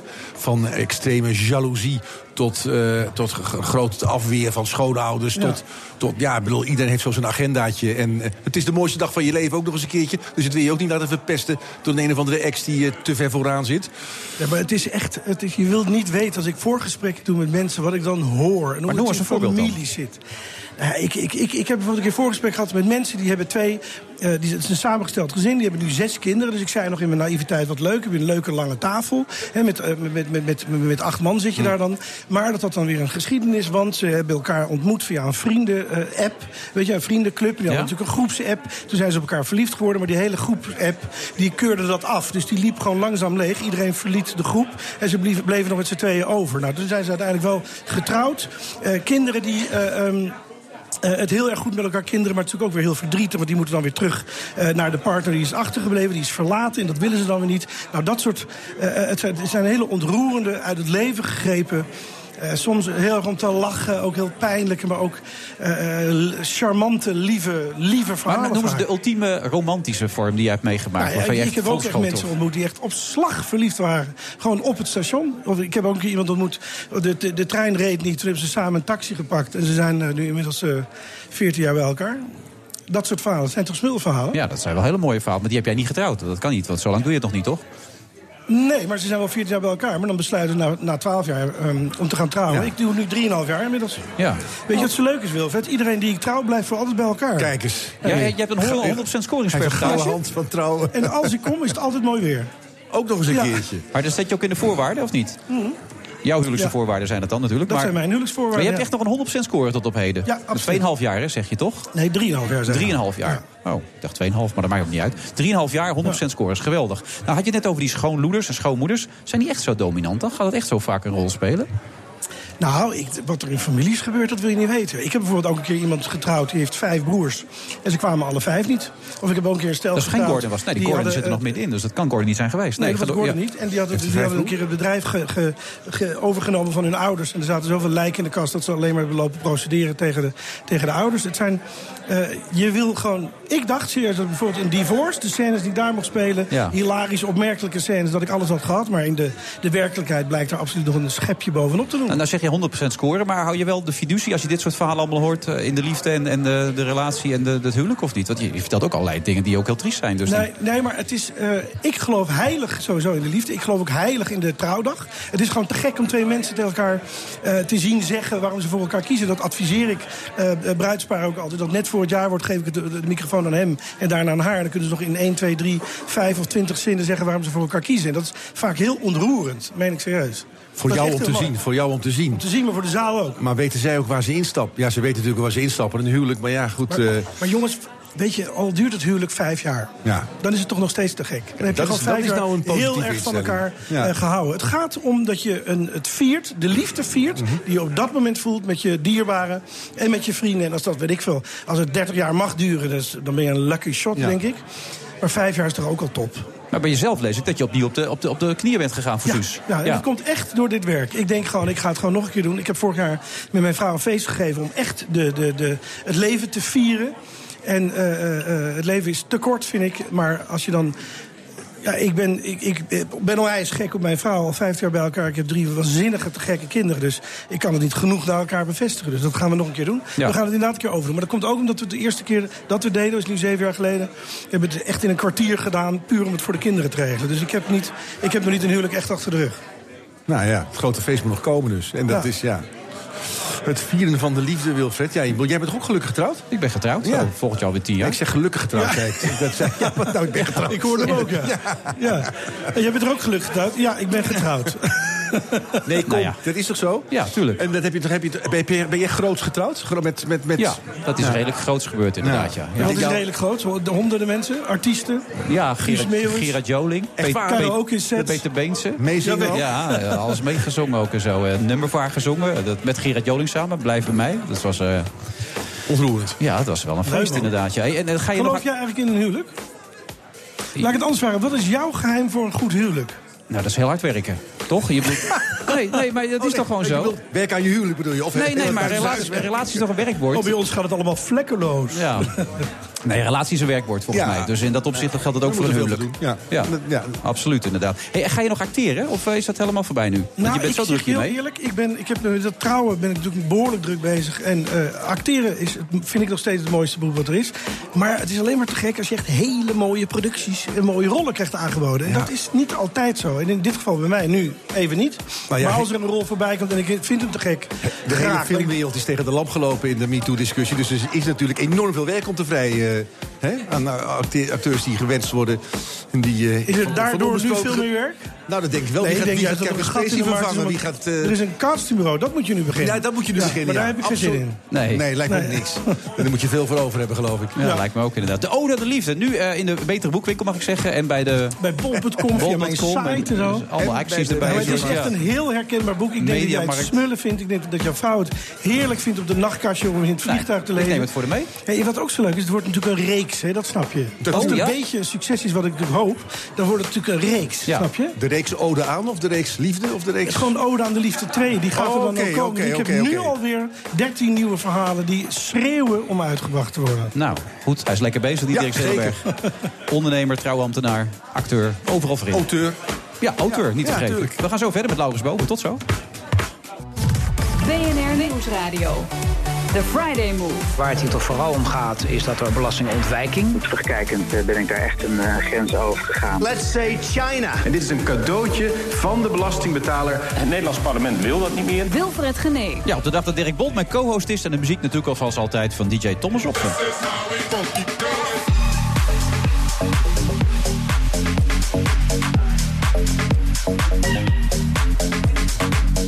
We zitten vandaag weer in de Skylands van het Doubletree bij Hilton Hotel in Amsterdam. Live natuurlijk en u kunt gewoon langskomen. Inmiddels aangeschoven politiek verslaggever Laurens Boven.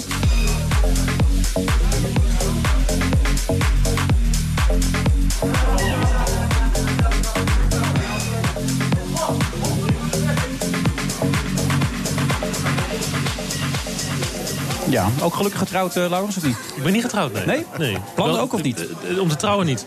Wel om samen te zijn en te blijven. Maar niet wel. trouwen, waarom niet dan? Eh, eh, nee.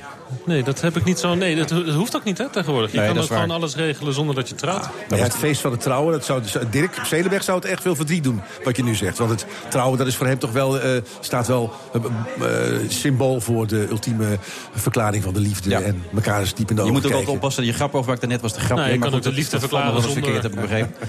Dus Nee, je je moet kan ook de liefde verklaren zonder te trouwen. Dat, liefde, dat is iets tussen twee Ja, mensen. maar als je tegen de ook- ambtenaar hebt gezegd, dan is het pas echt zo. Vind je dat? Nee, ik niet. Nee, totaal, nee, zeker niet. Ik ben ook Nee, nooit dat- getrouwd, dus nee, Dus een nee, ambtenaar nee. heeft er niks mee te maken. Kijk, Nee. als de ambtenaar nou zou zeggen... als je gaat scheiden, dan krijg je ruzie met me. Hè? Dan, Ja. dan, als er En een als sanctie op zit... als hij heel sterk is, die ambtenaar, ja, dan denk precies. je... Dan, dan denk ik van, nou oké, dan heeft het nog een, een, een soort van waarde. Maar het, je mag ook, kan ook zo weer scheiden. Dus dan heeft trouwen Maar het boek heeft jou niet geïnspireerd. Dus wat Ik heb dat boek nog niet gelezen. Nou ja, goed, hij heeft er een heel verhaal over verteld nu. Dus ik denk, nou, Laurens, je luistert mee. Je gaat toeslaan meteen, maar dat valt dus weer tegen. Nou, misschien mag ik hem meenemen of heb je nog nodig straks? Oh ja, nee, er liggen er nog... Oh nee, die is van, van jou, toch? Ja, de- die, hij is eigenlijk van mij en ik moet van de, lie- of de liefde nog heel veel leren. Dus eh, het is misschien wel goed voor mij om het toch door te lezen. Maar we kunnen natuurlijk een poeltje doen. We kunnen een gemeenschappelijke leessessie organiseren. Zo zou dat helemaal kunnen doen, inderdaad, ja. En J- Jesse Klaver heeft geklaagd, hè, Europees. Ja, die is nu, wat? Ja, die is eh, even... Hij is naar de schoolmeester gegaan. Ja. Naar commissaris Moscovici.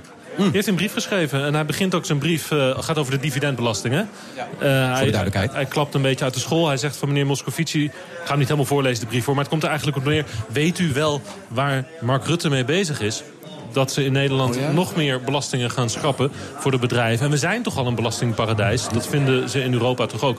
Dus ehm, ik, wil graag met u gaan praten. Hij wil ook persoonlijk met Moscovici gaan praten. Hij wil eigenlijk een, een melding vanuit Brussel... dat dat wat Rutte doet met de dividendbelasting... dat dat niet de bedoeling is. Ja, maar het is een beetje klaag bij de hoofdmeester, toch? Ja, Eh, wat in feite doet. wel. Ja, natuurlijk. Ja, Past wel een hadden ze dat in Europa leeftijd. niet meegekregen dan, dit? Tuurlijk wel. Dat zou ik net zeggen. Is het dan nog nodig dat het eh, aan de grote klok wordt gehangen? Nou, het is een politiek ding. Hè? Het is natuurlijk een politiek statement van een, van een eh, politiek leider van GroenLinks... om dus de, gewoon formeel een brief te sturen naar Brussel. Dat moet dan een, opgevolgd worden. Hè? Dan gaan wij, de pers gaat dan weer van de week aan Moscovici vragen... Hè, wat vind je dan van? Het is, zo, zo, een slimme manier om een debat dus ook naar Europa te trekken. Ja. Ook het publieke debat. Maar even voor de duidelijkheid, waar de oppositie met name mee zit... Het buitenland zou ervan profiteren. Wij hebben er zelf helemaal niet zoveel aan. De Lubbers, of Lubbers, of mij dat Rutte. Rutte. Moet je eens horen, dat komt nou aan Lubbers. Rutte heeft ook geroepen... Dat is slecht voor hem hoor, dat je hem nou met Lubbers gaat Ja? vergelijken. Vindt hij niet fijn, denk je? Nee, dat is toch... eh, Dan, eh, nee, Lubbers is natuurlijk weg.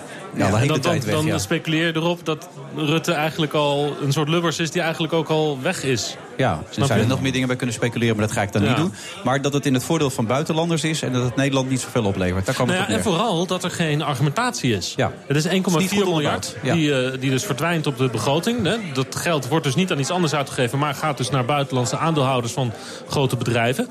Klein deel maar, want de belasting zit heel ingewikkeld in elkaar... maar het is maar voor een klein aantal aandeelhouders überhaupt interessant. En waarom doe je het dan? Als je niet wil zeggen waarom Wat er, wat er doet. tegenover staat. Wat, Ja. wat je daarmee denkt te gaan winnen. Precies, en dat was gisteren was het debat eh, met de minister van Financiën. Vandaag was eh, de persconferentie van Mark Rutte. Volgende week is nog een debat met Mark Rutte in de Tweede Kamer. En bij al die bijeenkomsten wordt eigenlijk gewoon de hele tijd niks gezegd over die vraag. Waarom? Wie heeft je onder druk gezet? Waarom doe je dit? We weten inmiddels wel, dat wordt wel steeds duidelijker... dat het met Unilever Ja. zit. Want Shell? Unilever... Nee, vooral Unilever. Unilever. Ja, want Unilever moet, weten we nu... is duidelijk geworden, voor het eind van het jaar willen zij besluiten... Oh ja, waar ze of ze gaan. Rotterdam Ja, gaan zitten ja, of in Londen. En Ze zitten nu op allebei de plekken met hun hoofdkantoor. Nou, vanwege de brexit ehm, hebben zij zoiets van, we moeten kiezen. Ja. Engeland heeft geen dividendbelasting. Oh ja, en waarschijnlijk zit het dus over, die, over dat spoor... dat Rutte dus bezig is met iets te bedenken voor Unilever... waarom dat een argument voor ze- hun is om hier te blijven. Zijn oude werkgever Ja, trouwens. dat weet ik. Zou ik net zeggen. Daar heeft hij nog wat, eh, wat sporen liggen, zoals dat zo mooi heet. Maar de- de- hoe wordt het dan opgepakt? Dat vindt de oppositie natuurlijk, als dat zo is, eh, geen argument. Of zouden ze nog een argument kunnen vinden om zo'n groot bedrijf in Nederland te houden? Nee, dat kan. Dat kan. Ja. Maar daar heb ik het gisteren over gehad met Jesse Klaver en met Lodewijk Asscher. En zij zeiden allebei, als dat zo is, dan moet je dat open spelen. Ja. Want jullie vragen, jullie het kabinet vraagt aan de Tweede Kamer... om een begroting goed te keuren waar dit in zit. Ja. Dat kun, en dat kunnen wij toch niet doen op basis van geheime onderhandelingen... met gevoelens en achter de schermen. En eh, vertrouw mij maar, want hè, het is niet gegarandeerd dat dit werkt. En dan moet je openheid van zaken geven. Dan kunnen we erover discussiëren. Willen we dat? Willen wij anderhalf miljard uittrekken voor Unilever om hier te blijven? Vinden we dat zo belangrijk? Rutte vindt dat belangrijk. Rutte heeft vandaag in zijn persconferentie gezegd... wij willen geen tweede België worden. Hè? Een land zonder hoofdkantoren. Ja. Hij vindt dat voor eh, Nederland als standing, het imago... de rol van Nederland in de wereld cruciaal dat hier hoofdkantoren zijn. Maar misschien denk, denk, denk je dat hij misschien denkt... misschien is het weggegooid geld, misschien, misschien verdwijnt het. Maar we kunnen het risico niet nemen dat we naast de pot pissen... als het om dat soort grote bedrijven gaat, eh, Ja, die uit Nederland vertrekken. Ja, maar een van de oppositieleiders zei gisteren in het, in het parlement... eh, was dan de volgende stap.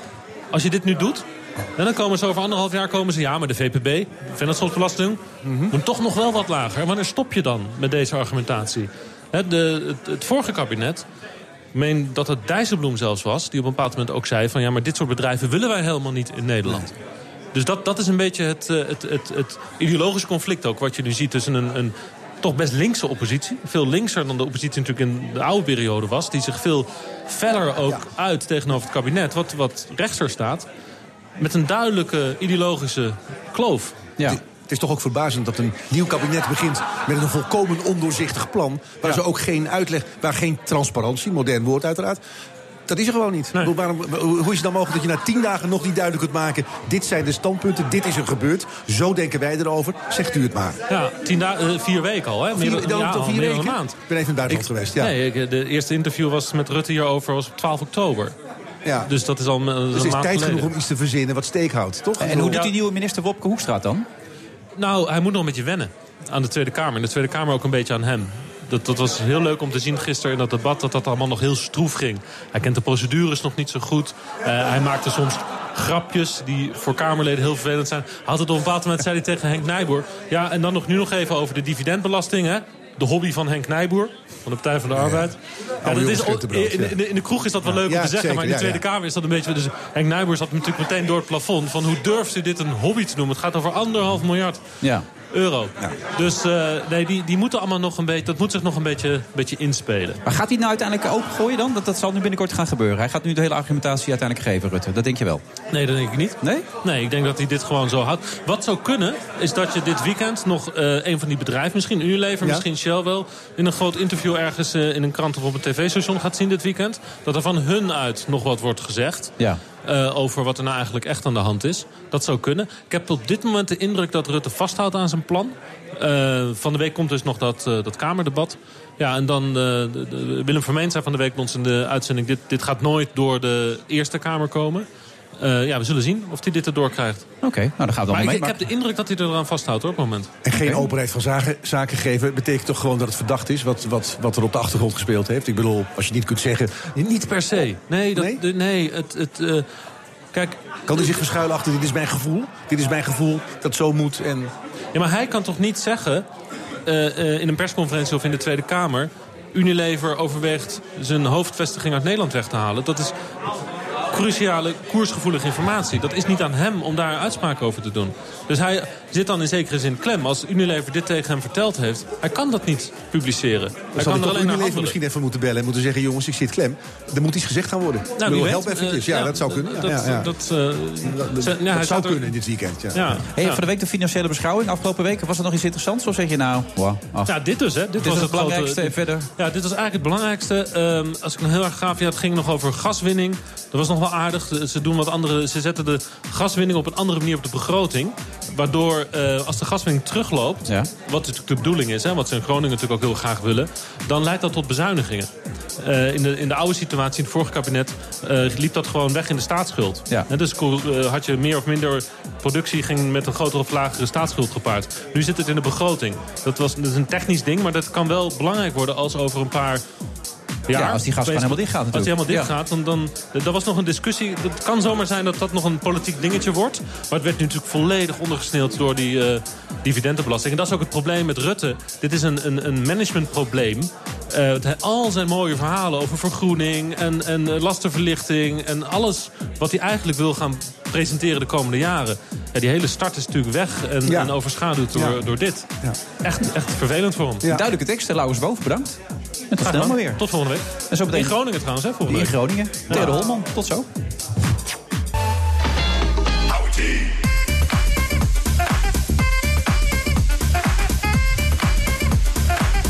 De Friday Move van vrijdag 10 november. We zitten in de Sky Lounge eh, tot de klok van half zeven. Daar moet Dirk ook snel weg. In de taxi waarschijnlijk naar... eh waar moest je de Hoofddorp geloof? Hoofddorp, ja. Signeren. Signeren. Ja, het complete verhaal. Dus niet het halve verhaal Nee, of driekwart. nee, het nee, complete verhaal ontvoerd. Ik heb ook een compleet ware verhaal. Dus niet een compleet gelogen verhaal. Ja. Dus echt het compleet Alles klopt verhaal. gewoon. Ja, alles klopt, ja. ja. Heerlijk. Ja, ja. Nou, en wat ga je daarna doen? Eh, nou, daarna ga ik naar bed, want ik moet nog twee reportages monteren. En het moet in het weekend gebeuren. Dus door alle oponthoud van het signeren van een boek... heb ik weinig anders gedaan deze week dan mij in deze boekhandels begeven. Oké. Dus Nou, eh, dat daar kom leuk- ik niet van werken, om het zo maar uit te drukken. Leuk aan deze uitzending tot nu toe is dat het een en al positiviteit is. Absoluut. Optimisten hebben de hele wereld. de ode aan de liefde. De beste Ja. zelfs ooit ter wereld. Dus, eh, Mike Baudet die een boek heeft geschreven over de mooiste geluiden. Er komt nu een abrupt einde aan deze Ja. sfeer. Ja, ik kom de sfeer verpesten inderdaad. Ja. Er is niks aan te doen. Theodor Holmel schrijft aan met voorbijgewaaid geluk. En bedankt. Ja, ik kan er niks aan doen. Daar gaan de luistercijfers. Het spijt me heel erg. Nou, Dat, dat weet ik niet, maar eh, het is veel droefgeestigheid, begrijp ik, in je nieuwe boek. Ja, maar heel lichtvoetig opgeschreven. Dus eh, dat is eigenlijk de reden waarom ik het ook heb gedaan. Ja. Ik, eh, het- ik, moest er heel erg aan denken dat eh, het begon... en dat meen ik serieus hoor. Bernard zie ik er staan, Bernard Hammelburg. Ja, wie kent het niet? Ja, ik dacht dat hij gewoon veel jonger was dan ik. Maar het tegendeel blijkt het geval. Maar ik herinner me dat mijn dochter op een gegeven moment bij me aan bed stond. En ze heeft namelijk een sleutel van mijn Ja. appartement. Jij slaapt overdag veel. Dit was ochtends vroeg, dat Oh, was nog veel erger. Ik slaap inderdaad overdag veel. Ja. Maar zij is altijd bang dat ze mij dan dood in bed eh, vindt. Hm. Daarom heb ik er ook een sleutel gegeven. Maar op een gegeven moment kwam ze met zo'n echootje. En toen bleek dat ze zwanger was. En ze zei, eh, pap, jij wordt opa. En op dat moment voelde ik mij verschrikkelijk oud. De, de hippie in mij stierf, zal ik maar Het was zeggen. voorbij eigenlijk, zeg maar. Het echte leven, het, het, het, levenslust, ja, de dat begon ader. iets anders. Dat begon iets anders. Dat vond ik inderdaad heel, heel erg naar. En wat, wat, wat begon er dan? De... Nou, het feit dat je eh, geconfronteerd wordt met een, een vorm van ouderdom. Dat je helemaal niet wil. Ik wil niet dat eh, mensen mij opa noemden. Ik, weet, ik herinner mij dat... eh, dat is echt waar. eh, dat Maar mijn- als dingen niet waar zijn, dat mag ook hoor. Maar Ja, het is meestal niet waar. Het complete, het complete verhaal. Het complete ware verhaal gaan we Ja. doen. Nou, ik lieg alles wat dat Ja. betreft. Ja. Anders kan ik het niet opschrijven. Ik de Maar dit is echt waar. Daar komt hij. Ja, dat ik met mijn dochter ging zwemmen. En eh, die ging naar zwangerschap. Hoe oud is jouw dochter nu dan? Nu is ze 33. Oké. En die ging, we gingen zwemmen. En dat was, toen zei ze, pap, ga nou mee. Het is zwangerschapszwemmen. Het is ook voor bejaarden, dus het eh, zwembad is wat warmer. Ik ging daarheen. ik ging mee. Eh, En eh, dat moest. En we zwommen met z'n tweeën daar. en toen waren er van die buurvrouwen, zal ik maar zeggen, van die buren van mij... die via waarschijnlijk mijn ex gehoord had dat mijn dochter zwanger was. En die zeiden dan tegen mij, die tikten mij aan in dat zwembad... wat ik al gênant vond. En die zeiden dan, dag opa, dag opa. Verschrikkelijk. Puur en alleen om jou te Verschrikkelijk. Ik zweette toen net zoals ik nou zweet. Maar dat is dus In het wat- water. Je, je leert veel etiket in je leven, maar niet om om te gaan met de dood. Dat is een beetje wat je ook probeert nu eh, in dat boek heel positief naar voren te brengen. Ja, dat is zo. Ik heb, kijk, het, ja, het is heel vervelend om te zeggen, maar als ik om mij heen kijk, de mensen met wie ik heb gewerkt. Een Theo van Gogh, en Martin van Amerongen, en Isra Meijer en Boudewijn Buug. Ik kan zo wel doorgaan. Die zijn allemaal, die zijn allemaal dood. Ik, ik leef in een, wat dat betreft in een, eh, ja, in een dode stad, zou je kunnen zeggen. Ik denk ieder moment dat ze nog om de hoek kunnen eh, lopen. En, Maar heb je eh, nog vrienden überhaupt?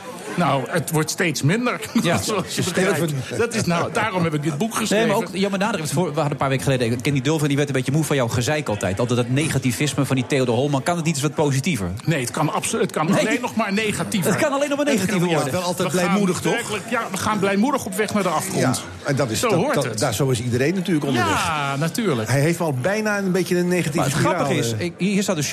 Ik zoek even, hoe oud ben je precies, Theodor? Want ik kan het zo snel niet vinden. 64. 64. Nou, hier staat zojuist Charles Groenhuizen, 63. Ja. Die gaat het theater volgend jaar in. Dirk wil het theater in, 62. Die ik wil het theater uit. Maar, maar die stelde dus allebei, eh, dat, dat zegt eh, professor Scherder ook, die ook als kop van... je kan er nog zoveel uithalen, waarom zie je dat zelf niet zo? Waarom, hoe kan je dan niet Oh, positief... dat is verschrikkelijk. Hoezo? Al die mensen die zeggen, ja, ga toch lekker vissen, neem een hobby. Veel ja, bewegen, vissen. want dat is gezond voor je hersens. Houd Veel- toch op. Jezelf is- uitdagen nog steeds. Gewoon eh, nieuwe dingen gaan doen. Ik, heb, ik schrijf boeken. Ja, daarom. ik- maak maar films. over het feit dat Ik het voorbij is. Daarom. Ja, Maar jij, nou zit, ja. jij zit toch ook niet stil? Ik bedoel, 64 Nee, kom op, maar, dat zeg, is, eh. maar dat neemt niet weg dat de ouderdom verschrikkelijk is. Al die mensen, die, die Charles Groenhuizen, nou, die liegt. Echt waar? Ja, tuurlijk. Die Nou, zegt zo, dat ja, alleen. maar, maar dan liest Dirk ook. Nou, nee, nou, nou, nou, ho, ho, Hoe ho, ben? Ik ben 62, dus ik zit mooi in het rijtje. 62, 63, 64. komt. Wachten we tot Wilfred 61 is, hebben we een mooie... Nee, dat kan natuurlijk niet. Oké, goed, ik begrijp het al. Ehm, Maar, Maar- heb jij datzelfde gevoel dat je Nou, het ouder vinden verschrikkelijk vindt... en dat het alleen maar minder wordt? Ja, ik en- vind ouder worden helemaal niet verschrikkelijk. Ik vind het ook helemaal niet verschrikkelijk dat uiteindelijk de dood om de hoek loert. Want ja, die loert gewoon altijd en die, die pak je zodra Oh, die maar je dat hebben vind kan. ik ook, hoor. Dat vind ik ik ook. vind het verschrikkelijk voor mijn omgeving die blijkbaar niet zit te wachten op mijn dood. Dat vind ik sympathiek. Ja. Eh, en die daar verdrietig van wordt. Daar zou ik zelf ook weer verdrietig van kunnen worden.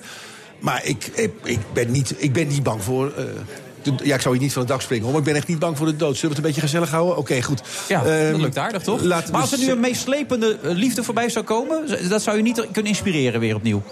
Een meeslepende Een meeslepende liefde? Nee, zeg, dat kan ik mijn vrouw niet aandoen. nee, nee, zeg, ik ben heel beschaafd en keurig opgevoed. Dat doe ik niet.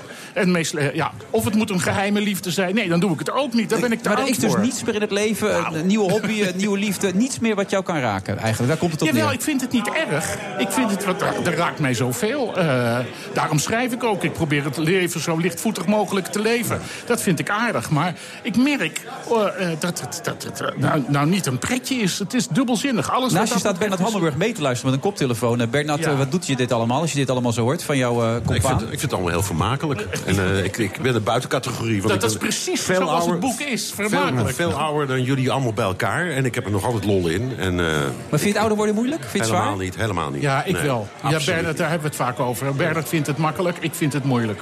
Maar, Toch- is toch maar ik probeer instelling. het ook zo, nogmaals, zo prettig je- mogelijk. je- en- Gerard Reven heeft het mooist beschreven, toch? De dood in jouw Dat ogen. vind ik wel, ja. Die heeft geschreven, als je jong bent ben je ontzettend... of ben je bang voor de dood. Als je wat ouder wordt, dan loopt de dood met je mee. En word je daarna nog ouder, dan wordt de dood je minnaar. En ik ben in het stadium dat de dood eigenlijk met me meeloopt. Omdat ik dat gewoon merk overal. Dat, eh, iedereen valt om zomaar, of gaat weg en, eh, en sterft en heeft kanker. Bedoel, vroeger ging ik er nog een keer gezellig naar het voetbalveld... tegenwoordig naar een hospice. Ja, om afscheid te nemen zeggen, we van hebben, dit, mensen. we hebben dit niet heel goed ingepland. eerlijk gezegd. We hadden beter Charles op dit tijdstip kunnen zetten. En jou gewoon om vier uur toen het nog licht was gewoon. Want de duister is inmiddels ingevallen hier in Amsterdam. Ja, skyline dat is waar. Dat, dat, maar dat, ja, god niet, dat, dat is vervelend. En mijn dochter, dat staat ook in het boek. Het is echt, eh, mijn, maar mijn dochter zegt ook... pap, zal je niet een tent opzetten bij de Nieuwe Ooster?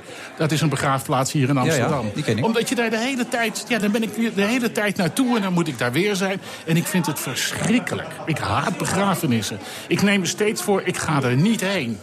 Ja, je doet dat dan, je ga je er toch weer heen. Maar ik vind het afschuwelijk. Maar het is voorbij. voorbij. Voorbij gewaaid geluk, dat is ook de titel die alles draagt. Al het mooie is afgelopen, dat Nee, is er niet meer. Het rare is, ik heb ontzettend veel mooie herinneringen. Maar tegelijkertijd op het moment dat je een heel mooie herinnering hebt... als je terugdenkt naar iets wat je heel mooi hebt gevonden... de eerste ontmoeting met je vrouw of de geboorte van je kind of whatever... dan is dat tegelijkertijd iets wat mij heel droevig maakt. Terwijl het een hele mooie herinnering is. Dus dat is ontzettend tegenstrijdig, bijna paradoxaal. Dus ik Omdat het dat- voorbij gewaaid is. Omdat het voorbij gewaaid is. Heel goed. Je, voor de, eh, Ja. Meester Holman geeft je een tien. Ja, dank u wel, meester Holman. Maar weemoed is natuurlijk ook met grote letters in jouw ziel gekerfd, wat dat betreft. Ja, voor de rest ben ik geestelijk gestoord. Dat klopt. maar dat zit er, inderdaad zit er, erin. Ja, Maar is er nog iets in het leven, Theodor, wat jou zou kunnen uitdagen? Is er nog iets waar je naartoe zou willen? Wat je nog zou willen meemaken? Wat je nog zou willen bereiken? Wat je zou willen doen? Of zeg je, nou nee, ik ga zo wel een beetje door. Godsvrije, eh, eh, dat, dat doet zich wel voor. Ik ben wat dat betreft een ouderwetse Taoïst. De weg leidt mij en ik leid de weg. En dat, eh, dat vind ik wel mooi. Dat, ik zie het wel, wat er gebeurt. Tuurlijk, dat doe jij ook. Zeg jij van, ik heb een hele grote, fijne, lieve visie... en die wil ik achterna lopen. Ben je gek, dan word je teleurgesteld. Echt waar. Ik wil Dat- je humeur nou- niet dat- bederven. Ja, dat is nou precies het tegenovergestelde van, van Charles. Hè? Ja, dit is echt absoluut tegenovergesteld Dan inderdaad. word je Ja. teleurgesteld als Charles denkt, je, je, je kiest voor die uitdaging... en je komt er doorheen en het pep je op. Het is, Ik het is een nooit, keuze. ik dus- had nooit verwacht dat een vergelijking met Charles... dat ik dat zou Nee, nee, ervaren nee, als een nee, nee, nee. compliment. Ja, die stelt nog steeds dat optimisten de hele wereld hebben. Maar dat heb jij niet helemaal, dat gevoel. Nee, dat nog- klopt ook niet. Ik heb de waarheid aan mijn kant. En hij het optimisme. Ja. Nou nee, hij heeft er allerlei eh, onderzoeken naar Nou gedaan. ja, goed, maar ook al heb je maar een stukje van de wereld. Het is toch altijd meer dan je dragen kunt. Ja, Dus, dat eh, denk ik wel. Dat denk ik wel. Nou, voorbijgewaaid geluk, dat was hem. Theodor Holman. En bedankt. Tot later. Wat waait daar voorbij? Het is het geluk. BNR Nieuwsradio. The Friday Move. Waar het hier toch vooral om gaat, is dat er belastingontwijking. Terugkijkend eh, ben ik daar echt een eh, grens over gegaan. Let's say China. En dit is een cadeautje van de belastingbetaler. Het Nederlands parlement wil dat niet meer. Wilfred Genee. Donald Trump werd een jaar geleden gekozen tot president. Het heeft vooral schandalen en rare tweets opgeleverd.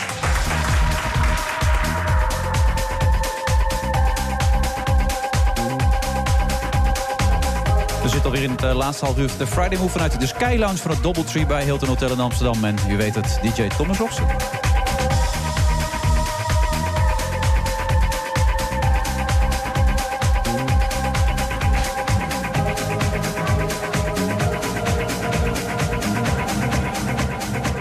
We nou weer alle treurigheid van Theo de Holm op toch proberen de positieve kant van deze uitzending nog weer een beetje op te zoeken met Bernard Hammelburg. Nee, zo is het. En, en we moeten eigenlijk gewoon zeggen, ja, Trump is fantastisch geweest, Bernard Hammelburg, of niet? Geweldig, Ja, ja, ja, meeslepend, Meeslepend, positief. geweldig. En, en een zegen voor ons vak. Hoe vaak hebben wij het sinds die man de kop opstak in de voorverkiezingen al niet over Donald Trump gesproken? Jij en ik in dit programma.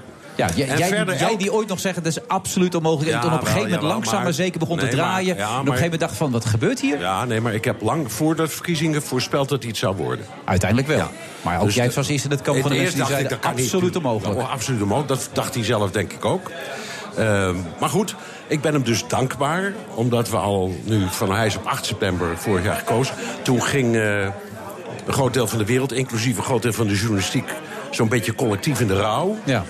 Eh, wat, wat ik nooit heb begrepen. Eh, het- alsof het het einde van de wereld was. Maar er is geen dag voorbij gegaan sindsdien... dat die man niet iets krankzinnigs heeft gedaan. Een idiote tweet of iets bedacht wat helemaal niet kan juridisch... of ruzie maken met zijn eigen partij.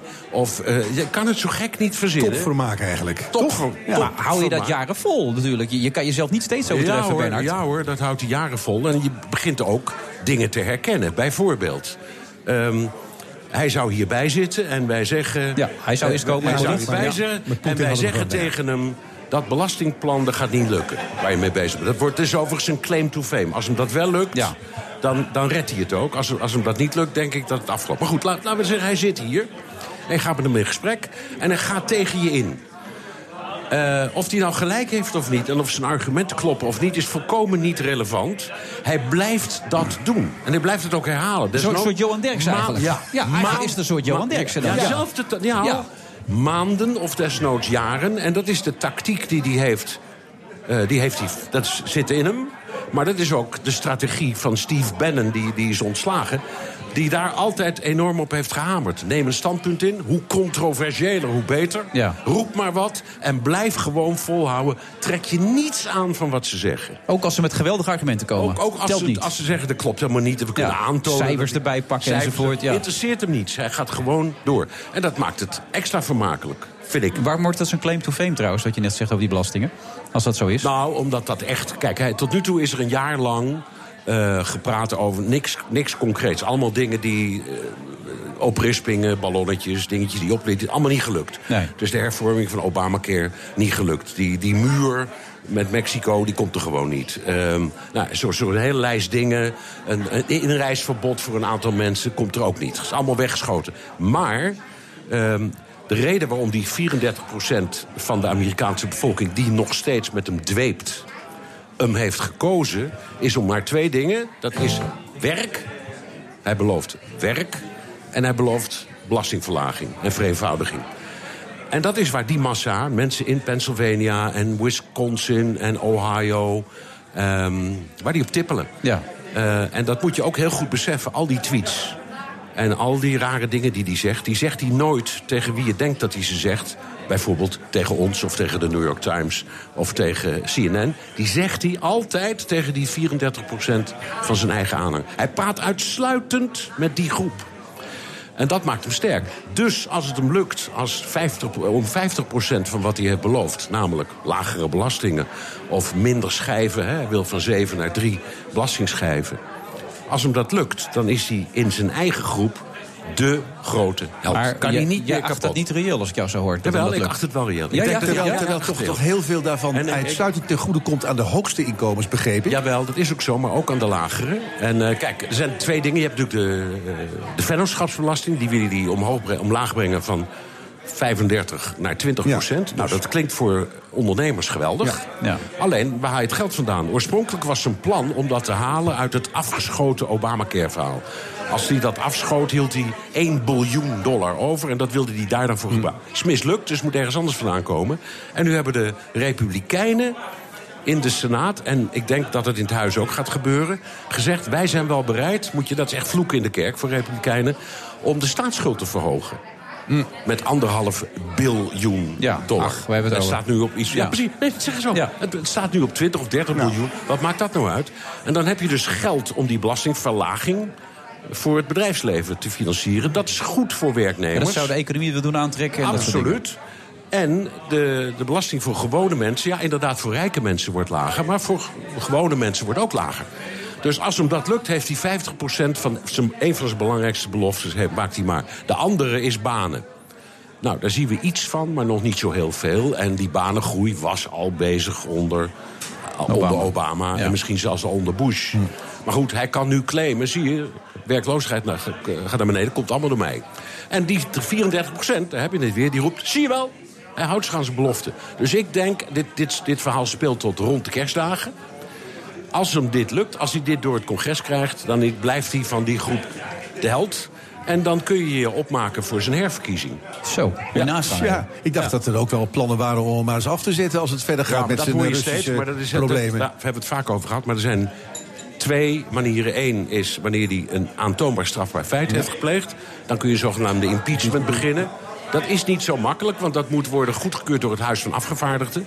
Dat nog steeds voor de meerderheid republikeins is, dus dat moet dan nog gebeuren. En als dat gebeurt, wordt de Senaat de rechtbank. Dus die moet dan uiteindelijk stemmen. Ehm, ik zie dat niet gebeuren, eh, omdat de Republikeinen dat liever niet willen. Eh, en bovendien omdat, ondanks al die onderzoeken... er nog steeds nergens is gebleken dat die man een strafbaar feit heeft gepleegd. De suggestie is er wel, maar dat is geen feit. De tweede mogelijkheid is artikel 25 uit ehm, eh, de grondwet. Dat zegt dat je een president kunt afzetten... eh, om, ik zal maar zeggen, omdat hij aan het eh, zwabberen raakt. Daar is, een, daar is een enorme... Ja, als hij incompetent wordt, ja. hij dan verklaard. Daar is een enorme, Zwabberen, ja, proce- zwabberen. enorme procedure voor. Dan moet de vice- vicepresident, de leiders uit de beide eh, delen van het parlement... een rechter, geloof ik. Het is in de Amerikaanse geschiedenis nog nooit gebeurd. Maar er zijn, er zijn nu wel af en toe congresleden die roepen... we gaan dat artikel 25 inroepen. Er zijn ook een paar congresleden officieel met een impeachmentprocedure gestart. Nou, die wordt dan weer afgestemd. Dus mijn idee, dat blijf ik steeds zeggen... er is nu één jaar bijna... Ja, één Ja. jaar om. Hij blijft gewoon nog drie jaar zitten. Maar vindt hij, vindt hij het zelf ook leuk eigenlijk? Nee, Want ik bedoel, dat geloof ik niet. Nee, dat denk ik namelijk Nee. ook niet. Nee, volgens mij had het was hij meer ook- een geintje natuurlijk Hij dacht voor ook geintje, ja. Ja. En het is En een hij moet- En hij dacht, ehm, het is een ontzettende potentaat. En in wat hij deed, is dat prima. Ja. En hij dacht, nou, dat kan ik daar in het Witte Huis ook. Maar dat kan niet. Maar je denkt niet dat hij over drie jaar zegt... nou, vind ik het wel leuk, ik heb het gedaan, ik heb het laten zien. Dat zou Zoek het kunnen. uit met z'n allen. Dat zou kunnen. Dat hij zegt, ik vind het zelf mooi geweest. Eh, maar ook dat is hoogst uitzonderlijk, hoor. Ik kan me niet herinneren. ja. Er zijn wel eens dit zegt pre- als het- als het- presidenten verslagen na één periode. Maar teruggetreden na Het zou wel periode. uniek zijn, zou wel weer bijzonder zijn. Ook je zegt, nou jongens, ik heb het gedaan, ik heb het laten zien. Het ging via best goed. Zou kunnen. ja, eh, en zoek het lekker uit met z'n allen. ja. Maar al die mensen die steeds maar roepen impeach, impeach, impeach... die vraag, ik, ik kan het zo gek niet verzinnen. Ik, ik heb het ook in die, die column... eh, Ja, je hebt die column. Je- Jij zegt CNN eh, vaart er wel bij. De New York Times is hartstikke blij. En ik ben ook De zelf ontzettend- media, ja, CNN stond Ja. op omvallen. Dat Ja. doet het nou grandioos. De New York Times heeft, het, heeft voor het eerst in, hoe weet ik veel, hoeveel jaar abonnees erbij. Nou ja, En alleen de door Trump zeg jij. Alleen en door al die de berichtgeving met die gekke verhalen. Beurskoers omhoog. Komt allemaal door Trump. Dus de media, hoe harder die tegen Ja, het, CNN... het komt allemaal door de aanwezigheid van Trump. Maar niet Fantastisch, noodzakelijkerwijze door zijn beleid... of door zijn plannen of door zijn, eh, zijn Ja. succes. En toch? bij de New York Times zijn er 100 man bezig alleen maar met Trump. Elke dag. hè. De redactie van 1100 man, dat is ook al heel groot. Waarvan 100 alleen maar bezig zijn met alles wat Trump doet, zegt, heeft gezegd, misschien bedoeld, enzovoort. En is, is er iemand op de wereld die een beetje vat op hem heeft, denk jij? Nee. Nee, hè? Nee, dat geloof ik niet. Nee. Denk Nee, je nee. dat het volstrekt onmogelijk is dat in de MeToo-discussie... er ergens een vlekje naar Trump toe komt? Hem bij de pussy? Ik bedoel, geen enkel probleem. Eh, Hij heeft zou me niks verbazen. Nee. Maar dan weer, gesteld dat het gebeurt, let op. Dan gaat hij doen wat ik net beschreef. Dan gaat hij geweldig in de aanval. En dan begint hij bijvoorbeeld over... en wat dacht je dan van Bill Clinton en van Hillary? Dat is pas echt tuig. En dat, dat is de, de- wat hij naar, En dat gelooft zijn- Pussygate heeft gedaan. Consequent. En daarmee heeft hij gewonnen. Nou, Dus Frank hij Underwood heeft het ermee verloren Dus dat gaat hij absoluut weer doen. In de aanval Ja. en volhouden. Hij is wat dat betreft onaantastbaar, denk ik. En, en, de, en de grote vraag is, eh, is de rest van het land ooit te motiveren... om iets te doen wat ze niet hebben gedaan, namelijk gaan stemmen? En als ze dat weer niet doen, dan wordt hij zo weer president. Ongelooflijk verhaal dit. Wel bijzonder. Hey, we kunnen ermee door eh, wat dat betreft, Bernhard. Hè? Nog, ja, eh, nou, dat bedoel ik. We, ja. hebben, we hebben het toch heerlijk met elkaar willen Ach man, wat is het Ja. toch fijn zo, hè? Hebben we weer een 10 minuten mee gevuld, toch? Ja, zeker. Als iemand echt gewoon steeds maar niet op die knop drukt... en een beetje mistast en eh, in het duister, dan is het prima natuurlijk. Maar als hij... Kijk, ik, ik, zie hem nog, ik hoor hem nog zeggen... dan moeten we completely destroy North Korea. Ja. Completely destroy. Ik bedoel, dan zeg je wel iets, hè? Ja. Ik bedoel, dan moeten we Nederland van de kaart vegen. Ja. Sorry, daar is niets aan te doen. Nee. Ja, Ja, dat dat zijn toch... En, ja. maar, ik zeg, maar die 34 procent die dat ziet op het scherm in de En die- kroeg... en die die, vinden roepen dat allemaal yeah! we're gonna do it, En dan denken ze later, dat was Alec He's Baldwin. En man. dat was, was waarschijnlijk niet echt. Daar, daar staat nou een echte kerel. De rest zijn allemaal wimps. Ja, ja, En ja, dit is ja, een echte precies. kerel. Al dus Bernard Handelburg, 72 toch Bernard, of niet? Nee, 70. Kom Oh, op. 70. Maar zo positief, zo 50. energiek, zo ongelooflijk veel zin erin. Geluk waait bij jou niet voorbij, dat Nee. blijft eeuwig aan je kleven. You ain't seen nothing yet. Dat bedoel ik maar. Bernard Hammelburg, thank you very much. Tot zo.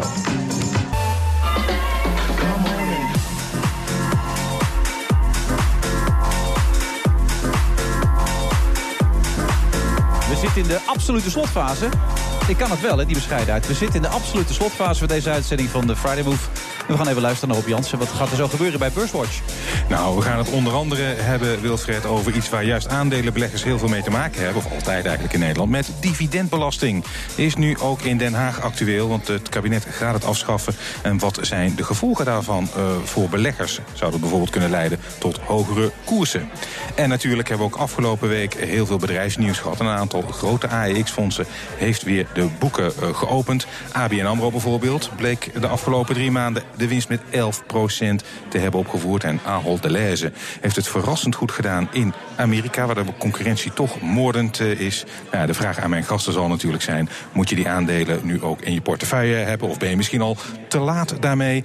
Eh, dat ga ik dus voorleggen aan mijn gasten. En dat eh, zijn vandaag Bob Homan van ING... en Richard de Jong van Van Lieshout en Partners.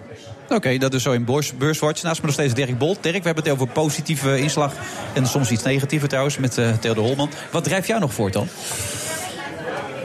Wilfred, dan stel je toch een vraag van de existentiële aard. Ja. Mij drijft voort het feit dat ik nog leef. Dat ik uh, enorm veel plezier heb in het leven. Dat ik kinderen heb die het goed doen. Dat ik ontzettend veel tijd met ze wil doorbrengen. Dat ik uh, de, de, de, nog steeds wel de uitdagingen zie in het reizen... en in het bij elkaar brengen van familieleden. Kortom, mij drijft voort wat me altijd al voortgedreven heeft. Het vooruitzicht van een leuk leven. En, en, en, en ja, ik, bedoel, ik weet ook wel dat het leven uiteindelijk eindigt in de tranendal van de dood. Hoewel het hoeft helemaal niet zo'n tranendal te zijn. Maar zolang je nog niet dood bent, leef je. En ja, ben je het wel verplicht aan je stand om ook op een leuke manier te leven. Want dan zijn de mensen om je heen hebben ook plezier als jij het leuk doet. Hebben zij het leuk. Ja. En zo straalt het van je af en zo moet je allemaal proberen. Maar je bent ook vaak weg door dat programma natuurlijk. Zeker, zeker, zeker. Maar, maar als ik, ik ben vaak weg, maar als ik terug ben, ben ik er ook echt voor de volle 100 procent. Dan ben je aanwezig. Dan, Dan ben ik er en dan, ben ik, dan je probeer er ik bij mijn kinderen te zijn. En dan probeer ik, ik ga zo vaak mogelijk langs bij mijn ouders. Ik weet dat uh, 88 en 86, nou, dat betekent gewoon dat ik van elk moment gebruik moet maken om... Uh, uh, bij ze op bezoek te gaan. Uh, nou, mijn kinderen zijn natuurlijk super jong en, en gaan langzamerhand een carrière maken.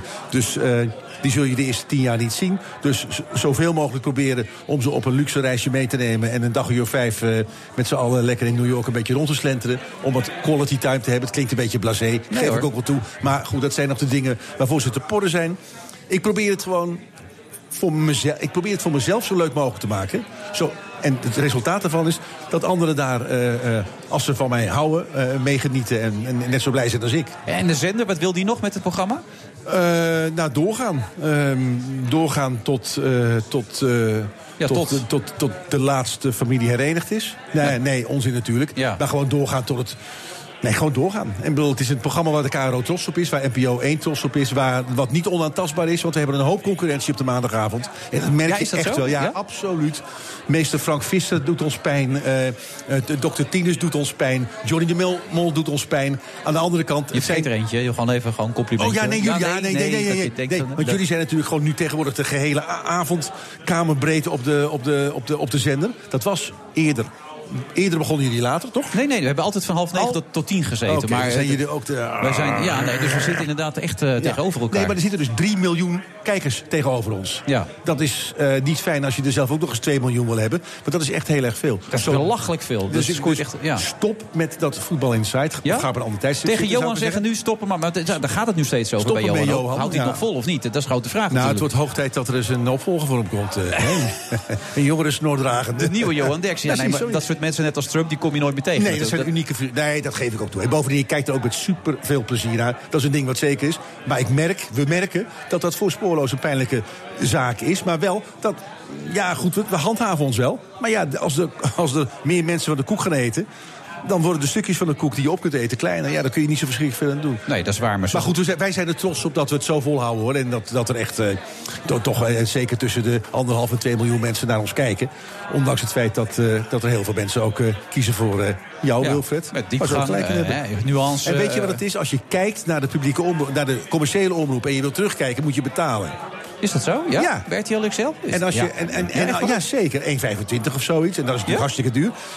Maar als je naar de publieke omroep wil terugkijken, is het gratis. Dus mensen kijken in eerste instantie naar de commerciële, dat is gratis. En dan kijken ze later terug naar spoorloos. Dat merken we echt. Want in plaats van de 75.000 instarts, hebben we er plots in 250.000. Schappig, want er kijken ook 200.000, 300.000 mensen nog terug naar, Ja, naar de volgende ja, ja. site bij ons. Dus dat is best wel veel eigenlijk Oké, ook. Nou, ik wist niet dat ze ervoor moesten betalen. Ik denk je dat gewoon op de app van ons, we hebben een app hè? Ja, ja, ja. Ja, we hebben een app. Dat doe ik wel eens, ja. een goede app is dat. ja. En ondertussen, het boek ligt in de betere boekwinkel. Het Het, boek is ligt in het de boek- complete verhaal. Het is een complete mensen verhaal. die denken, ik loop een half verhaal. Compleet verhaal. En het is echt, het is, ik ik, hoor alleen maar van mensen en ik zeg, ik, ik, ik, ste- ik sla mezelf niet op de borst. Zeker niet. Eh, maar mensen die het gelezen hebben, mensen uit mijn omgeving, maar ook wildvreemden, hebben ervan genoten. Ja. Wat kan ik daar anders van zeggen? Het is best een spannend verhaal. En je ziet daar in elk geval waar Nederland zich zorgen over gemaakt heeft. Namelijk over onze, over onze overleving van die ontvoering. Ja, bijzonder, Men wist toch? natuurlijk totaal niet wat er met ons gebeurde. Dat lees je hier wel. Ik wist totaal niet wat er in Nederland gebeurde. Dat heb ik allemaal gelezen in de dagboeken van mijn kinderen en mijn familie. En de kranten natuurlijk. En ik vond het interessant om te lezen. Vaak confronterend. Nou, misschien vindt Nederland het ook leuk om te lezen... hoe wij eh, die week doorgekomen zijn... en eh, wat ons allemaal op de been heeft gehouden. Nou, het boek, boek heet Ontvoerd. Het leuke eraan is, en in tegenstelling tot de Titanic... dan weet je dat het slecht afloopt. Je weet ook nog eens dat het goed afloopt. Dus dat is heel fijn. Het loopt Positief, hè? We komen vrij, jongen. Geweldig, Ja. man. En we zijn gelukkig. En we gaan blijven voorwaarts. In vijf maanden de datum heb je een boek en zit je gewoon in de Friday Move. Nou, ja, dat willen mensen nog meer. Hoe trots kan een mens zijn? Ja, zo is het. Volgende week zitten we in Groningen. Daar wonen je ouders nog steeds man. in Groningen? Nee, mijn ouders wonen in Renen. We komen allemaal uit Groningen, de familie. En echt, ben jaloers op je Groningen, fantastische stad. prachtige stad. Zit ik met Pieter Koblenz. Ja, dat wordt ook wat, zeg ik met Pieter. Dat wordt ook al gezellig. Bedankt voor dit moment. Zeg even FC Groningen, zeg tegen ze... jongens, geef een paar goede tips. Neem ze van Johan mee. Dat ze toch in ieder geval dit jaar niet degraderen. Want het gaat zo fucking Nee, maar ze degraderen niet. Maar ze moeten wel even een... Nou. Maar goed, komt goed. Oké. Beloof ik. Oké, Dirk, bedankt. En goed succes met Ja. signeren zo, hè. Hartstikke goed, Wilfred. Tot volgende week. Dag. Kijk, we moeten reëel zijn. We weten dat er veel bedrijven proberen zo min mogelijk belasting te betalen. Wij hebben daar gisteren vragen over gesteld aan de, de korpsleiding. Terugkijkend eh, ben ik daar echt een eh, grens over gegaan. Let's say China. En eh, als mensen daar een vervelend gevoel aan over hebben gehouden, dan spijt mij dat enorm. Wij willen een garantie dat onze collega's zowel eh, fysiek als mentaal veilig eh, kunnen werken. Gebruik ook een originele oplader. Of als je die niet meer hebt, in ieder geval een oplader die goed is. Het Nederlands parlement wil dat niet meer. Tenminste, alle, de meeste partijen zeggen dat in de Tweede Kamer. Er is een grote meerderheid. Uh, maar het bouwen van een coalitieakkoord in Nederland is een buitengewoon ingewikkeld ding. De geluiden die je daar hoort, die blijken nu wel uit dit onderzoek. Ja, ik heb er zin in. Ja, ik heb, ja, ik heb er zin in. streaming Waar het hier toch vooral om gaat, is dat er belastingontwijking... Hè, dus door een fiscale constructie proberen minder belasting te betalen. Ja, kennelijk een E. coli-bacterie. Daar is een procedurefout uh, gemaakt. Hè. We hebben overigens geen reden om aan te nemen dat de ruling inhoudelijk uh, verkeerd was. Er zijn stuk voor stuk aanvullende maatregelen die zijn getroffen... en die ook zullen worden verlengd als de aanleiding toe is. En dit is een cadeautje van de belastingbetaler. Ik denk dat dit het voetbal aantrekkelijker kan maken. Het zou heel mooi zijn als we die dividendbelasting, die 1,4 4 miljard. Dat is geen klein bier, hè. dat is groot geld. Kamerleden van links zullen dit vooral aangrijpen om hun gelijk te halen... over het beeld dat Nederland een belastingparadijs is voor multinationals. Daar is een procedurefout uh, gemaakt. Hè. Procedurefout. Wij hebben daar gisteren vragen over gesteld aan de korpsleiding. Terugkijkend ben ik daar echt een uh, grens over gegaan. Let's say China. Dit gaat over zeer seksueel en uh, pornografisch getinte uitspraken. Modellen hebben gemeld dat er aan hun lichaam werd gezeten. De ziekte komt uit Azië en heeft in korte tijd dus hard toegeslagen. Waar het hier toch vooral om gaat is dat er belastingontwijking... Hè, dus door een fiscale constructie proberen minder belasting betalen. Ja, kennelijk een E. coli-bacterie. Er is op dit moment geen druppel zonder prik meer te krijgen. The Friday Move wordt mede mogelijk gemaakt door TUI. Discover your smile. Ook Thomas van Zeil vind je in de BNR-app. Je kunt live naar mij luisteren in Zaken doen. De BNR-app met breaking news, het laatste zakelijke nieuws... en je vindt er alle BNR-podcasts, bijvoorbeeld Het Nieuwe Geld. Download nu de gratis BNR-app en blijf scherp.